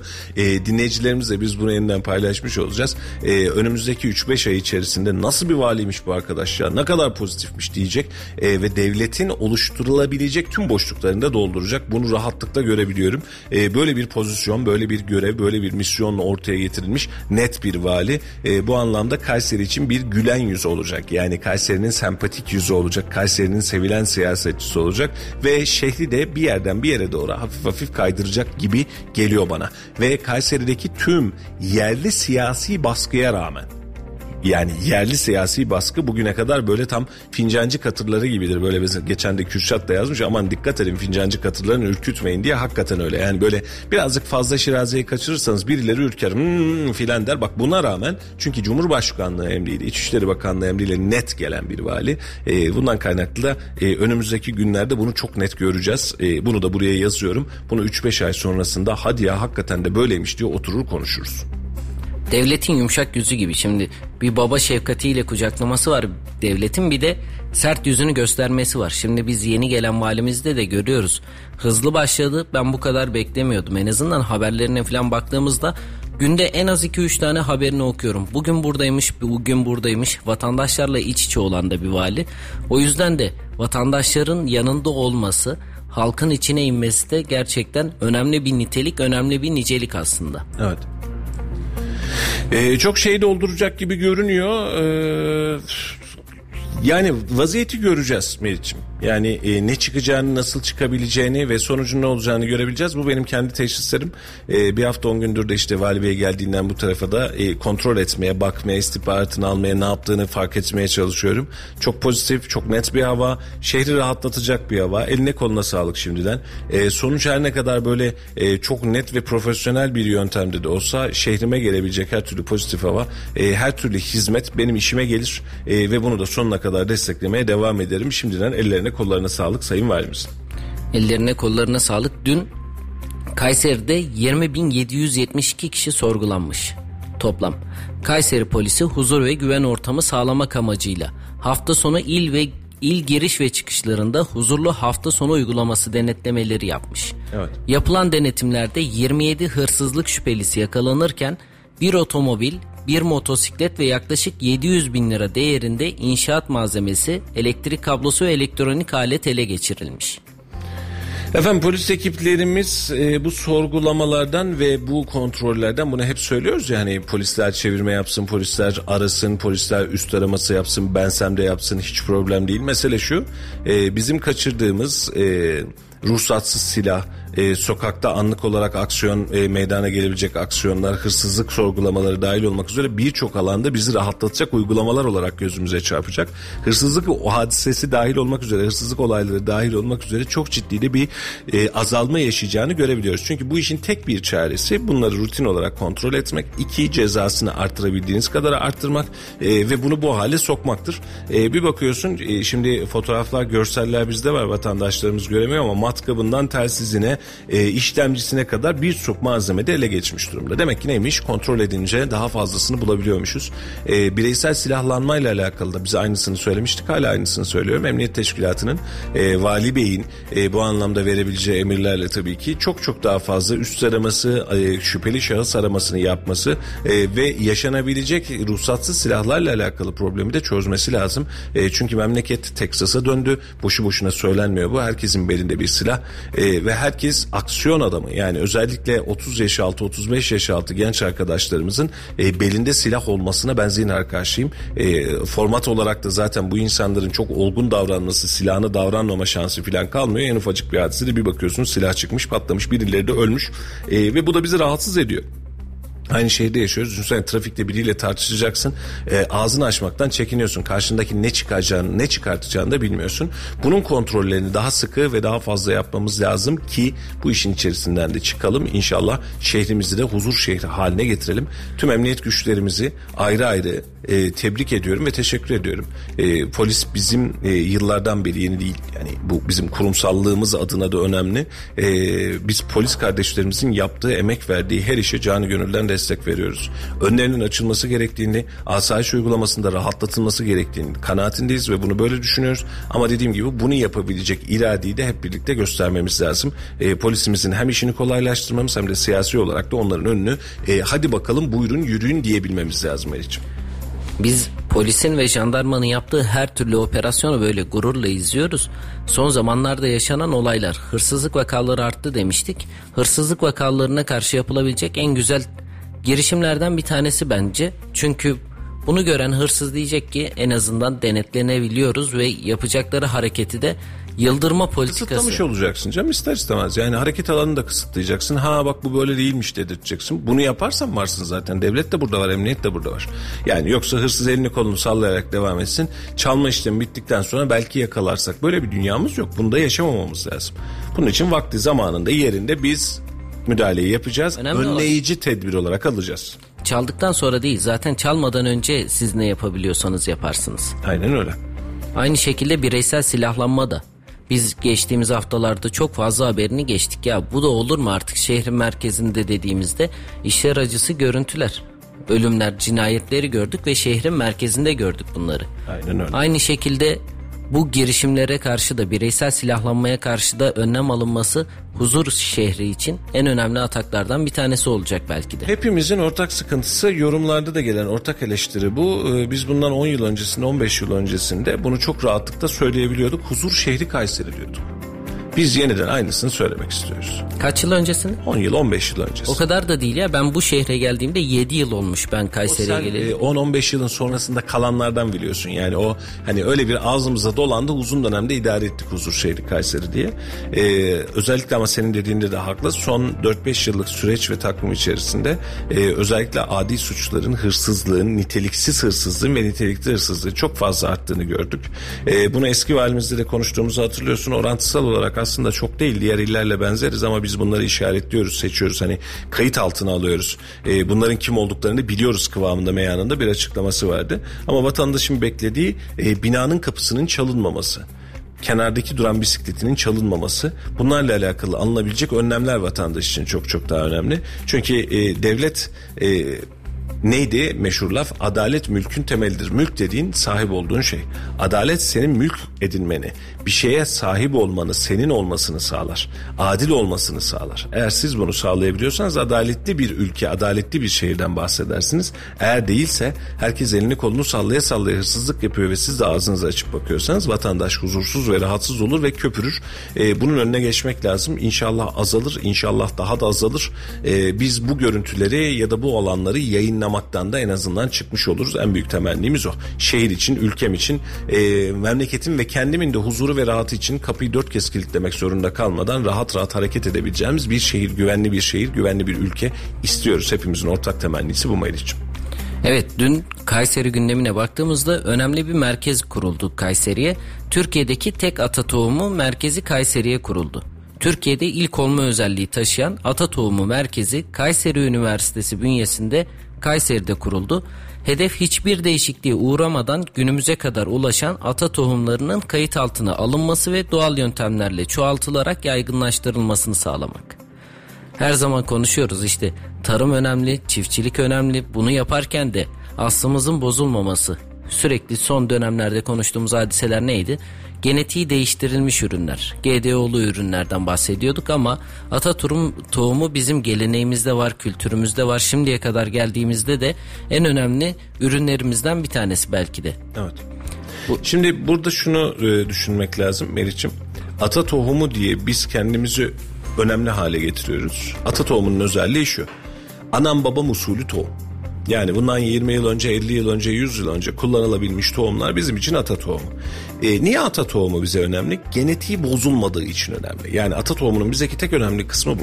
Yoksa tohum tohumdur, buğday buğdaydır değil mi? Niye ata tohumu diye arıyoruz? Elimize attığımız yeni tür tohumların tamamında genetiği değiştirilmiş faktörler izliyoruz. Genetiği değiştirildiği için böceklenmesi, sıkıntılanması, içindeki içerik miktarı tamam verimi birazcık daha artıyor ama bunların tamamını beraberinde yaşıyoruz. Bunun için yana yana ata tohumu arıyoruz. Ee, şimdi buradan da başka bir notla geleyim.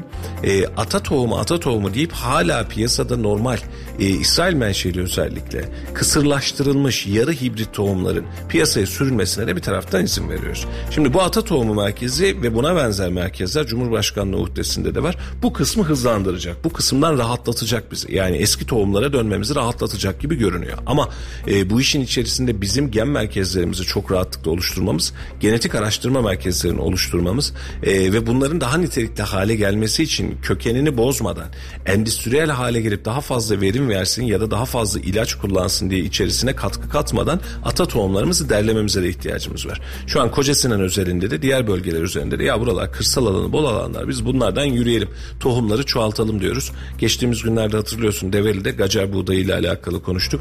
E, şeker fabrikasıyla konuştuk. Hatta Kaytur'la konuştuk. E, en son tablo dediler ki işte e, Sahip Bey söyledi tohum yok ki dediler. Tohum bulamıyoruz. Bir kişinin tek eline vermişler ve tohum bulamıyoruz. Ortalıkta tohum yok. E, Yani bak bir şey var bir ürün var yani ürünü çoğaltmamız lazım. Bizim normal fırınlara daha girmemiz lazım ortada ürün yok. E demek ki niteliği sadece Cumhurbaşkanlığına bırakıp oradan devam etsin demekle olmuyor.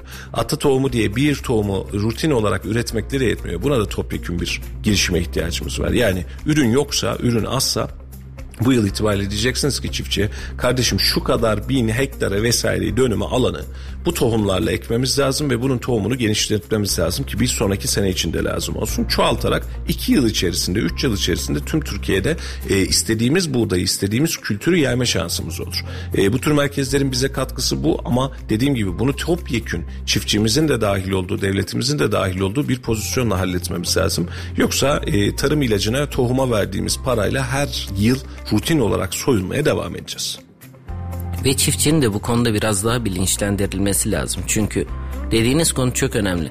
Birileri bir şey yapmaya çalışıyor ne yapabilirim diye düşünüyor ama tekelleştiği zaman ya da üretime teşvik verilmediği zaman çiftçiyi de bilinçlendirmediğiniz zaman bunun sıkıntısını da yaşıyoruz. Elimizde böyle bir imkan varsa özellikle Kayseri düzeyine baktığımızda gacer buğdayı var. Evet. Siyez buğdayı var. Bunları geliştirebilmek için de hem çiftçisiyle hem devletiyle birlik beraberlik içinde güzel bir çalışmaya imza atmak gerekiyor. İşte burada aksiyonu iyi toparlamak lazım. Toprak reformunu gerçekleştirmek lazım. Ee, geçtiğimiz günlerde e, bir o, ünlü bir tarımcı artık yani şehir için ismini söylemeyeyim belki rahatsız olacaktır. Ee, gelecek gelen desteklerin devletin yaptığı desteklerin ne yazık ki yerine ulaşmadığını, e, toprak reformunun oluşmadığı için düşünsene hani bir arsa kalmış dededen dededen kalmış 40 kişiye bölünmüş 60 kişiye bölünmüş. Bu arsanın üzerine melih ekiyor ama 60 kişi bu arsada ekilen buğday nedeniyle devletin verdiği destekten banka hesabına para alıyor. Durum bu hale geliyor. Yani bunları biz nitelikli halde, kalıtsal halde değiştiremezsek daha çekecek çok derdimiz var gibi görünüyor Melih'ciğim. Efendim e, dün itibariyle dondurmaya zam geldi. Yani e, bu kadar önemli olacağını düşünmüyorduk ama biz sokağa da sorduk. Dondurmaya zam geldi ne diyorsunuz bu işe diye. Sokaktan da ilginç cevaplar verdi.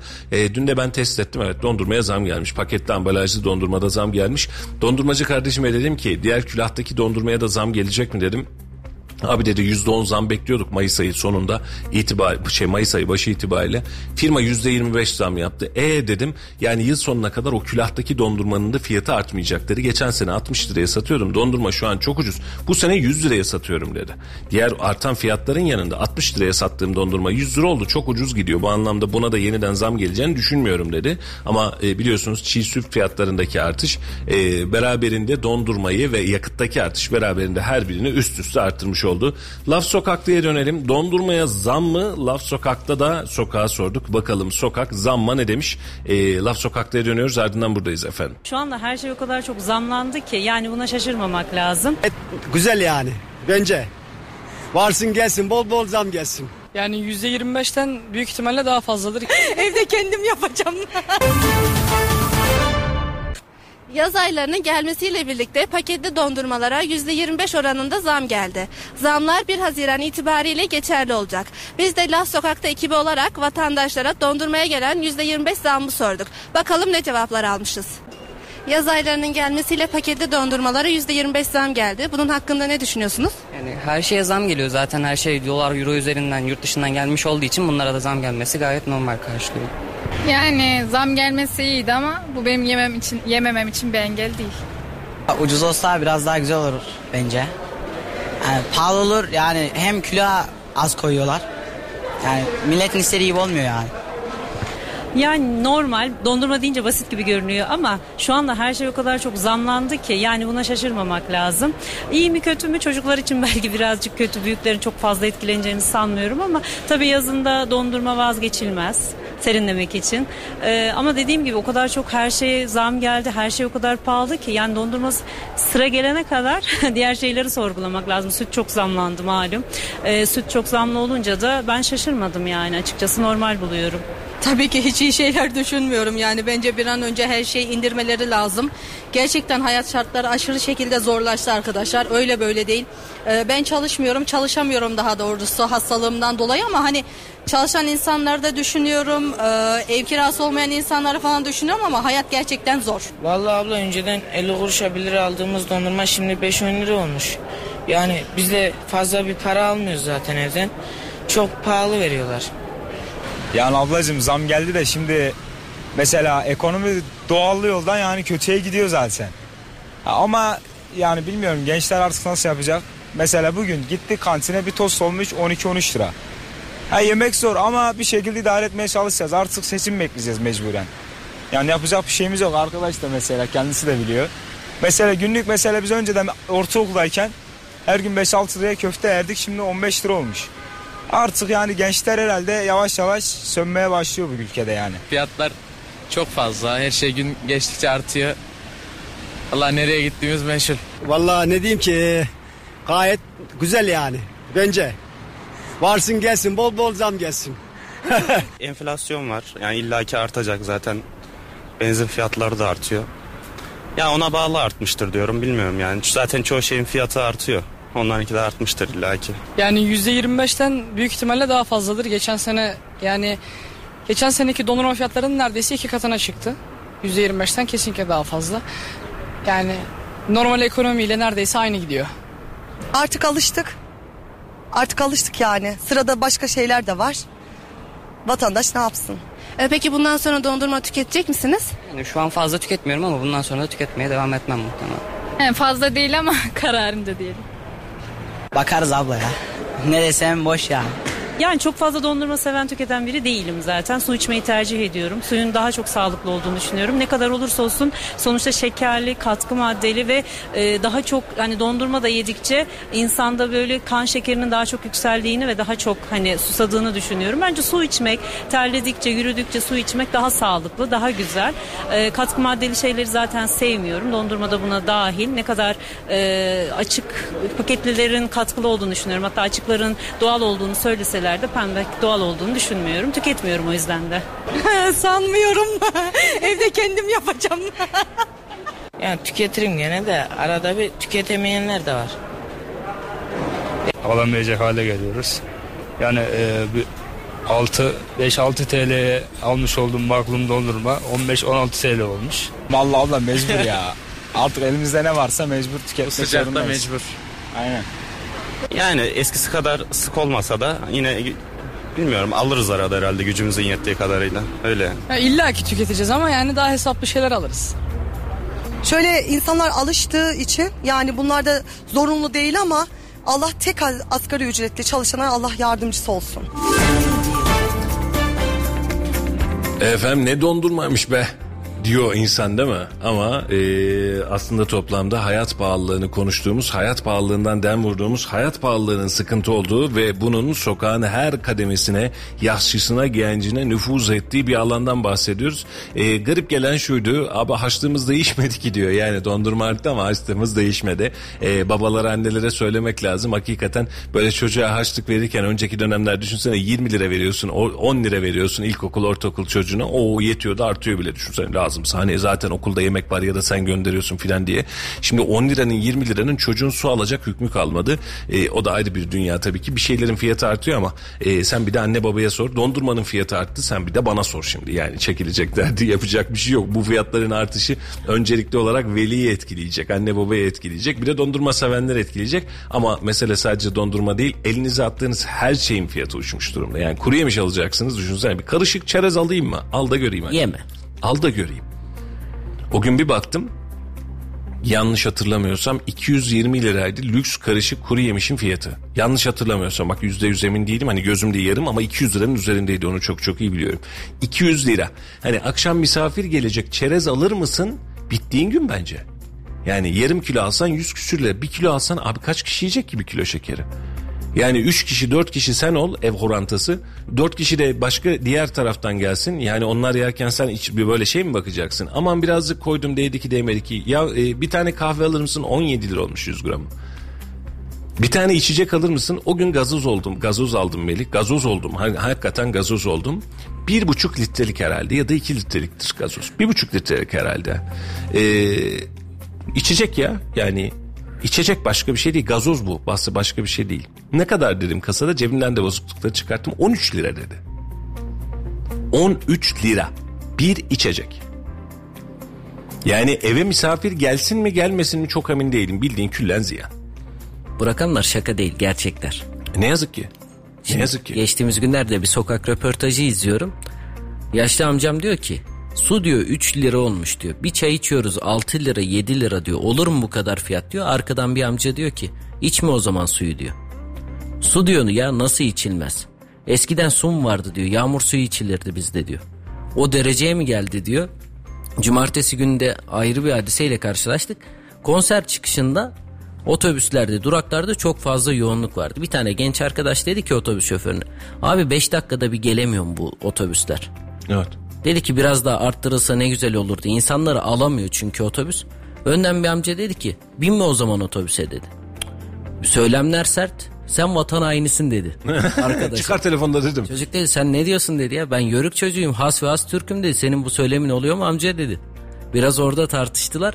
Şimdi bazı yaşlı amcalarımız var. Lüks kuru yemiş. Alma. Onu mu ya gazoz içecektim içme. Direkt bu düşüncede olan bir yapımız da Tabii, var tabii, bizim. tabii, tabii. Ya şimdi e, şimdi şu şu konuya hem fikirim. Ben mesela e, abim o zaman eski sanayide çıraklığa girdi. Okula devam etmedi. E, küçüğüm herhalde bir 5 6 7 yaşlarında filanın böyle bir yaz dönemine de denk geliyor. Ramazan ayı iftarda abimi bekliyorum. E, abim elinde bir poşetle geldi. Cam şişede kola var. Benim ilk kola içişim o mesela. O kola varmış filan diye. Bize biraz geç geldi medeniyet belki bundandır ya da medeniyet dersem buna çok problem değil. Şimdi eskiden kola mı vardı dersen evet yoktu. Hani ben de kendimi bildiğim dönemde hani kola bizim için tamamen bir lükstü. Ama sonrasında hani kola üzerinde söylemiyorum bunu ya da içecek üzerinde söylemiyorum. Kuru yemiş. Bu lüks değildi. Yani mesela şimdi Serbülent 60 demiş ki kardeşim biz de çekirdek çitleriz demiş. Ee, 15 liraya 20 liraya aldığın çekirdeği de şu an 40 küsür liraya alıyorsun. O da ayrı bir dünya. Onu da çitleyebiliyorsun ama onun da fiyatı çarpı 2 olmuş. Yani bunlar bizim için lüksü olmayan ve alıştığımız hadiselerdi. Sen şimdi insanlara bir şey alıştırıyorsun. Bunu şöyle düşün Melih'ciğim. İşletmelerde bazen bu yapılır ne yazık ki sevmediğimiz bir tablo ama sen bir işletmeden para alıyorsun. Bugünün şartları itibariyle diyorsun ki e, 7 bin lira maaşım var. Misal olarak veriyorum. E, işletme sahibi senin maaşını 2 ay içerisinde 15 bin lira yapıyor. Nasıl hissedersin? Terfi aldım zannedersin. Sonra seni kovuyor. Maaşına zam işine son. 15 bin lira yaptı ama devam edemiyoruz siz çok değerlisiniz filan dedi seni gönderdi. Sen dışarı çıkıyorsun 15 bin lira civarında maaşlı iş arıyorsun. Güvenin geldi ya oldun ya bak bu böyle bir alışkanlık. Bazı işletmeler bunu özellikle yapar. Benden çıktı sektörde başka bir yerde çalışmasın. Bu parayı da kimse vermez buna. Tamam bu ortada kalır diye özellikle İstanbul'da falan çok fazla yapılır. Kayseri'de çok rastlamadım. E, ama tablo bu. E, şimdi dönüyorsun. E, ben sana alıştırmışım. Şimdi e, cebinde telefon var, interneti var. Evde Netflix var. Sıkıntı yok. E, akşam olunca bir cips aldın, bir kuru yemiş aldın. Yanında bir içecek aldın. Sıkıntı yok. Ya bunlar alıştığın hadiseler değil mi? Hani bu üç gün beş gün değil ki. Bir yıl, iki yıl. Sen böyle alışmışsın hayatına. E, ben sana şimdi diyorum ki Melik gelirken cips al. 15 lira. Dondurma al 15 lira. Anladın mı şimdi? Tüneldeyim çekmiyor Ha, tüneldeyim çekmiyor. Şimdi alışkanlığından vazgeçmek, bildiğin alışkanlığı zaten vatandaşın sıkıntısı da bu. Ya buraya gelecektik. Ee, yani yeniden başa döneceksek bu kadar yolu niye çektik? Vatandaş alışkanlıklarından vazgeçmek istemiyor. Yoksa dondurma yemesek ne olur? Hiçbir şey olmaz. Dondurma mı vardı? Vardı vallahi bizim zamanımızda. Bizim dondurmacı Ali dayı vardı. Böyle bir arabayla gelirdi. Bunun içerisinden dondurmaları külah külah alırdık. Her gün alamazdık ama alırdık yani. O dondurma vardı bizim kültürümüzde. E o zaman da işte cebindeki e, öğrenci haçlığıyla haçlığımız bile yok yani minnacık çocuklarız işte evden para alırsın filan. Anne bazen vermez ne yapacaksın? Bir de yanında pamuk şeker satar. Arada bir de gözün ona kayar. E bununla idare ederdin. E şimdi bakıyorsun çocuklara dondurmaya alıştırmışsın. Markalar alıştırmışsın. Yetmemiş televizyonda cayır cayır 1 liraya 1 liraya diye reklamını yaptırmışsın vakti zamanında doğru mu? Şimdi çocuk kültür itibariyle alıştı dondurmada dondurma diyor. Hadi yedirme. Çocuk 1 lira sanıyor hala. Hadi yedirme. O çocuğun umurunda değil ki senin 1 liran 5 liran 10 liran. Çocuğun hiç umurunda değil. Ya düşünsene 4 yaşında 5 yaşında bir çocuğun var. Baba dondurma diyor. Sen de almam ben sana diyorsun. Dede göreyim hadi. Diyemezsin. Bizim e, insani olarak en büyük imta- imtihanımızdır çocuklarımız. O bir şey isteyecek ve biz alamayacağız. Bu çok riskli bir durum. Ve şu an gelinen tabloda e, oluşturduğumuz formatta derdimiz de zaten bu. Yani çocuk geçerken düşünsene. Yani baba çerez istiyorum, kaju istiyorum dedi. Bittiğin gündür. Herhalde 300 lira falan olmuştur kilo sonunda. Yani karışığı 200 küsür olduğuna göre. Hesabını sen yapsan 100 gram alabilir miyim? 30 lira alabilir miyim diyor da kuru sana. Ya 100 gram ya. 100 gram dediğim bir avuç yani. Çocuk hakikaten ancak doyar ona ve veriyorsun 20-30 liraya geçiyor. Yani e, hayat pahalılığının neye mal olduğunu en çok anne babalar herhalde bu anlamda bizi daha fazla anlayacaktır. Efendim dondurma da zamlansa bizim ana gündemimizde ne yazık ki şu an itibariyle bu akşam gerçekleşecek fiyat zamları var. Brent petrol fiyatı 123 dolar 32 senti olarak güne devam ediyor. Sabah saatlerinde 122 ile güne açmıştık. 123'e çıktı. Dün 120 dolardan bahsettiğimiz Brent petrol fiyatında bir 3 dolarlık artış var. Ee, bir gün öncesinden de hesap edecek olursak 114 dolar seviyesinden 123 dolar seviyesine geldi. 10 dolar civarında ki bu da zam faktörümüzü zaten ortaya çıkartıyor. Bugün gün içerisinde zammın açıklanmasını en az 1,5 lira civarında da zam gelmesini bekliyorum şahsım adına. Ee, ha bu ne fark edecek? Benim aracım yok diyenler için bunu her zaman söylüyorum. Yediğin dondurmada fark edecek biraz önceki dediğimiz hadise. Ee, giydiğin kıyafette içtiğin suda fark edecek. Ee, bir bakıyorsun marketten su alacağım susadım diyorsun. Kaç lira olmuş sular fark ettin mi Meriç'im? Hiç baktın mı? En kötü e, en kötü markette hani bizim o 3 harfli 5 harfli marketlerde bir buçuk liradan başlıyor 500'lük su. Su içmek bile bir buçuk liradan başlıyor. Hani birazcık daha üst segmente hani AVM'de gezerken ortada standlar vardı diye şeker satar dondurma satar. Bir adet su alabilir miyim diyor. 5 lira alabilir miyim diyor o da senden. 5 liraya su alıyorsun. Neredeyiz abi biz? Çay içiyoruz. Bakın çay çay. Herhangi bir kafede, herhangi bir mekanda, ilçede iki tane çay alabilir miyim diyorsun. En kötü beşerden 10 liranı alıyor. Bu iyimserse. O en kötü. En kötü. Birazcık böyle mekan hafif turistikse bak hafif böyle yani çok fazla abartıya gerek yok. Çay 10 lira. Çay ya. Yani bizim derdimiz dermanımız çay. Sabah akşam gece gündüz çay içeriz değil mi? 10 liraya çay mı olur kardeşim? Kafeye gidiyorsun 8 liradan aşağı çay yazmıyor. E sonra da ne olacak bu halimiz? İki çay içip de iki hasbihal edemeyince içimizde patlar. Bak bu bize çok ciddi azap olur demedi demeyin. Yani o çay içilecek o muhabbet edilecek. Bunu yazın bir kenara. Çay içmediğimiz için başımıza gelecek mevzular var bu memlekette. Yani artan fiyatları konuşuruz. Yani de- burada da yapmamız gereken şey belli aslında. Biraz da bizim tedbirimizi almamız lazım ve konuştuğumuz konularda da bu artan fiyatları da göz önüne alabilmemiz lazım. Enflasyonla ilgili açıklama var. Açıklamaları biraz da bizim kullandığımız rakamlara göre ölçersek tamam deriz. Binali Yıldırım çıkıyor enflasyonla ilgili açıklama yapıyor. Güzel tamam. Bakan Nebati diyor ki enflasyonla ilgili açıklamalar yapıyor. Diyor ki düzeltmemiz lazım. Bir de çıkıp ya her şey dört dörtlük enflasyon yok kardeşim yaşam pahalılığı diye bir şey yok diyorsa orada Diyor. vatandaş da tepkileniyor Diyor işte. diyor bunu ekonomi bakanımız söylüyor yani çok da. Ee, Sayın Nebati'nin açıklamalarındaki en büyük sıkıntımız da zaten bu olarak ortaya çıkıyor. Bir şeyi sorunu kabul ederseniz çözüm için çaba sarf edersiniz. Ama sorunu kabul etmek yerine siz süreçte şunu derseniz efendim dünya e, bizi iki yıldır takdirle ekonomik sistemimizi takdirle seyrediyor derseniz ben sizden umutlanamam. Yani sen diyorsun ki Melih'ciğim Melih radyo yayınları nasıl gidiyor? Abi harikayız efsaneyiz biz var ya dediğin gün bu radyo yayını bir adım öteye geçmez. Ama abi eksiklerimiz var bunu böyle yapalım mı dediğin gün biz radyo yayınımız için bir şeyler yapmayı deneriz. Acaba biraz daha böyle mi yapsak izleyicimizi böyle mi katsak canlı yayın mı alsak ve bir şey üretiriz yani. İnovasyon sağlamak için bir sebebin olur. Ama düşünsene abi herkes çok memnun işimizi en iyi biz yapıyoruz. Bizden alası yok yani ekonomik sistemde. Sen istediğin kadar kabul et ya da etme. Bir şey geliştirmek için çaban olmayacak. Şu an ülkenin yaşadığı tablo da bu. Şu an herkes ekonominin çok iyi olduğunu düşünüyor yönetenler tarafından. Biz harikayız diyor. Ee, harikayız dediğin günde problemi çözemezsin. Ama dese ki ekonomik sistem biz bir süreçten geçiyoruz. Bu süreci toparlamak için şu şu tedbirlerimiz var ve iyi değiliz. Ve bunu yapmak için de bakın program hazırlıyoruz. Birazcık daha sabır. Şunu hazırlayacağız, şuradan şunu getireceğiz, buradan bunu götüreceğiz. Ya neyse adamlar da çalışıyor en azından dersin. Şu an kimsenin çalıştığı falan yok. Oturuyoruz oturduğumuz yerde. En azından halimizden anlıyorlar. Bak böyle bir sıkıntımız var. Bu sıkıntımızı da devlet eliyle en yetkili kişiler biliyor diye de konuşabiliriz ama biz en yetkili kişilerden ya bir sıkıntımız yok. Bunlar da olacak şeyler dedikleri zaman vatandaş olarak huzursuzlanıyoruz. Bunun da tepkisini en fazla biz görüyoruz. Ee, elle gelen düğün bayram Melih'ciğim sabah yayında da söyledim umutsuz olmamak lazım. Memleket bizim biz bu memlekette yaşamaya devam edeceğiz. İnsanımızı bilinçlendirmeye, eğitmeye ve anlatmaya devam edeceğiz. Bizim de medya olarak basın kuruluşu olarak en büyük telaşımız en büyük derdimiz bu. Vatandaşımızı anlatacağız, insanımızı anlatacağız. Doğru idrak etmeyi, doğru düşünmeyi. Aa bak memlekette bu da oluyormuş demeyi ya da bunu yaparken buna sahip çıkıyoruz demeyi hep beraber çözümlemiş olmamız lazım. Eğer bunu yaparsak bu işin içerisinden çıkarız ama yapmazsak yani aman otur evinde ya moduyla biz hayatımıza devam edecek olursak ne yazık ki e, ilerleyebileceğimiz bir tır, bir taraf yok. Mehmet kardeşim yazmış. Bakan zaten sürpriz yapmayı seviyor demiş. Valla gerçekten çok seviyor. Gözlerinin içine bakınca anlıyorsunuz bunu. Müthiş bir enerji hissediyorsunuz böyle. E, normalde hakikaten ben ilk geldiği günde hatırlarsın beni söylemiştim. Çok sempatik bir adam efsane sempatik. Yani otur saatlerce muhabbet et kıvamında böyle aile dostu olur kıvamında bir adam. Ee, ama e, ekonomi duygusallığı, iyiliği, yüzünüzün ne kadar güzel olduğunu filan tanımıyor. Böyle bir tanımlaması yok ekonomi. Ekonomi diyor ki işini yaparsın sonucunu alırsın. Ben duygusal davranmam. Para var mı? Para var. Para yok mu? Para yok.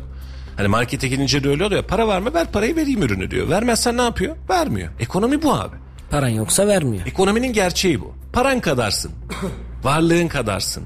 Planlaman kadarsın. Borçlanma limitin kadarsın. Yani ekonomi böyle bir düzenek. Vatandaş bunu biliyor. Şimdi mesela 4250 lira maaş alıyor gidip de 50 bin liralık borçlanmayı bir sonraki aya gerçekleştiremiyor. Diyor ki ben bu parayı ödeyemem diyor. Hani yemeden önce bir bakarmış, ölçermiş, sağır mı geçer mi diye ona göre yermiş. Bilmem bir şey kuşu var meşhur. Bu böyle bir hadise. Yani ekonomi karşınızda dinamikleri olan bir tablo. Beş, başarırsınız başaramazsınız. Şu an bir devlet memuru örnek veriyorum 8 bin lira maaş alsın. Ertesi ay ödemek adına tefeciden ya da bankadan 500 bin liraya borçlansın. Ödeyeceği yeri yoksa ödeyemezse ne olur? Borçlanır, evi gider, barkı gider, memuriyeti gider. Doğru mu? Düzensiz hayattan borçlanmadan gider. E, devlet memuru bunu bilir mi? Evet bilir. Bunun için borçlanacağı limit bellidir. Benim ay sonunda şu kadar fazlam var. 3 bin liraya kadar borçlanırım, 1000 liraya kadar borçlanırım der. Sistem böyle devam ediyor. Aklı başındaki olan insana. Bunun için de ekonomi duygusal olarak bakılacak bir iş değil. Ve bunu da üzülerek söylüyorum. Değiştirmediğimiz sürece, yeni bir süreç, yeni bir segment açmadığımız sürece halimiz harap. Kolay kolay çıkabileceğimiz işin içinden işler değil. Evet yavaş yavaş da gündemi toparlayalım. Bugün neler konuştuk? Ekonomi gündemini de biraz bahsedelim ve ardından da yayınımıza yavaş yavaş veda edelim. Edelim efendim. Yarın yeniden aynı saatler arasında Allah'tan bir mani çıkmazsa sizlerle birlikte olacağız. Saat 7'den 9'a kadar Melih'le beraber Radyo Radar'da Yol Açık programını sunuyoruz. Ee, ama kötü bir haberim var. Yayının sonuna sakladım onu.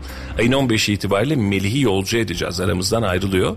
Temelli ayrılmıyor. Şöyle yani başka bir şehre gidiyor. Hani ayrılıyor deyince başka türlü anlaşıyor ama yayınımızda artık olmayacak. Ara ara artık telefon bağlantılarıyla filan e, takılırız. E, bir yaklaşık 15 gün boyunca artık Melih'le veda yayınları yapıyor gibi yapacağız. Sonra o gidecek ben kurtulacağım. Birazcık rahat alacağım. Nefes alacağım. Şomazlık bana kalacak.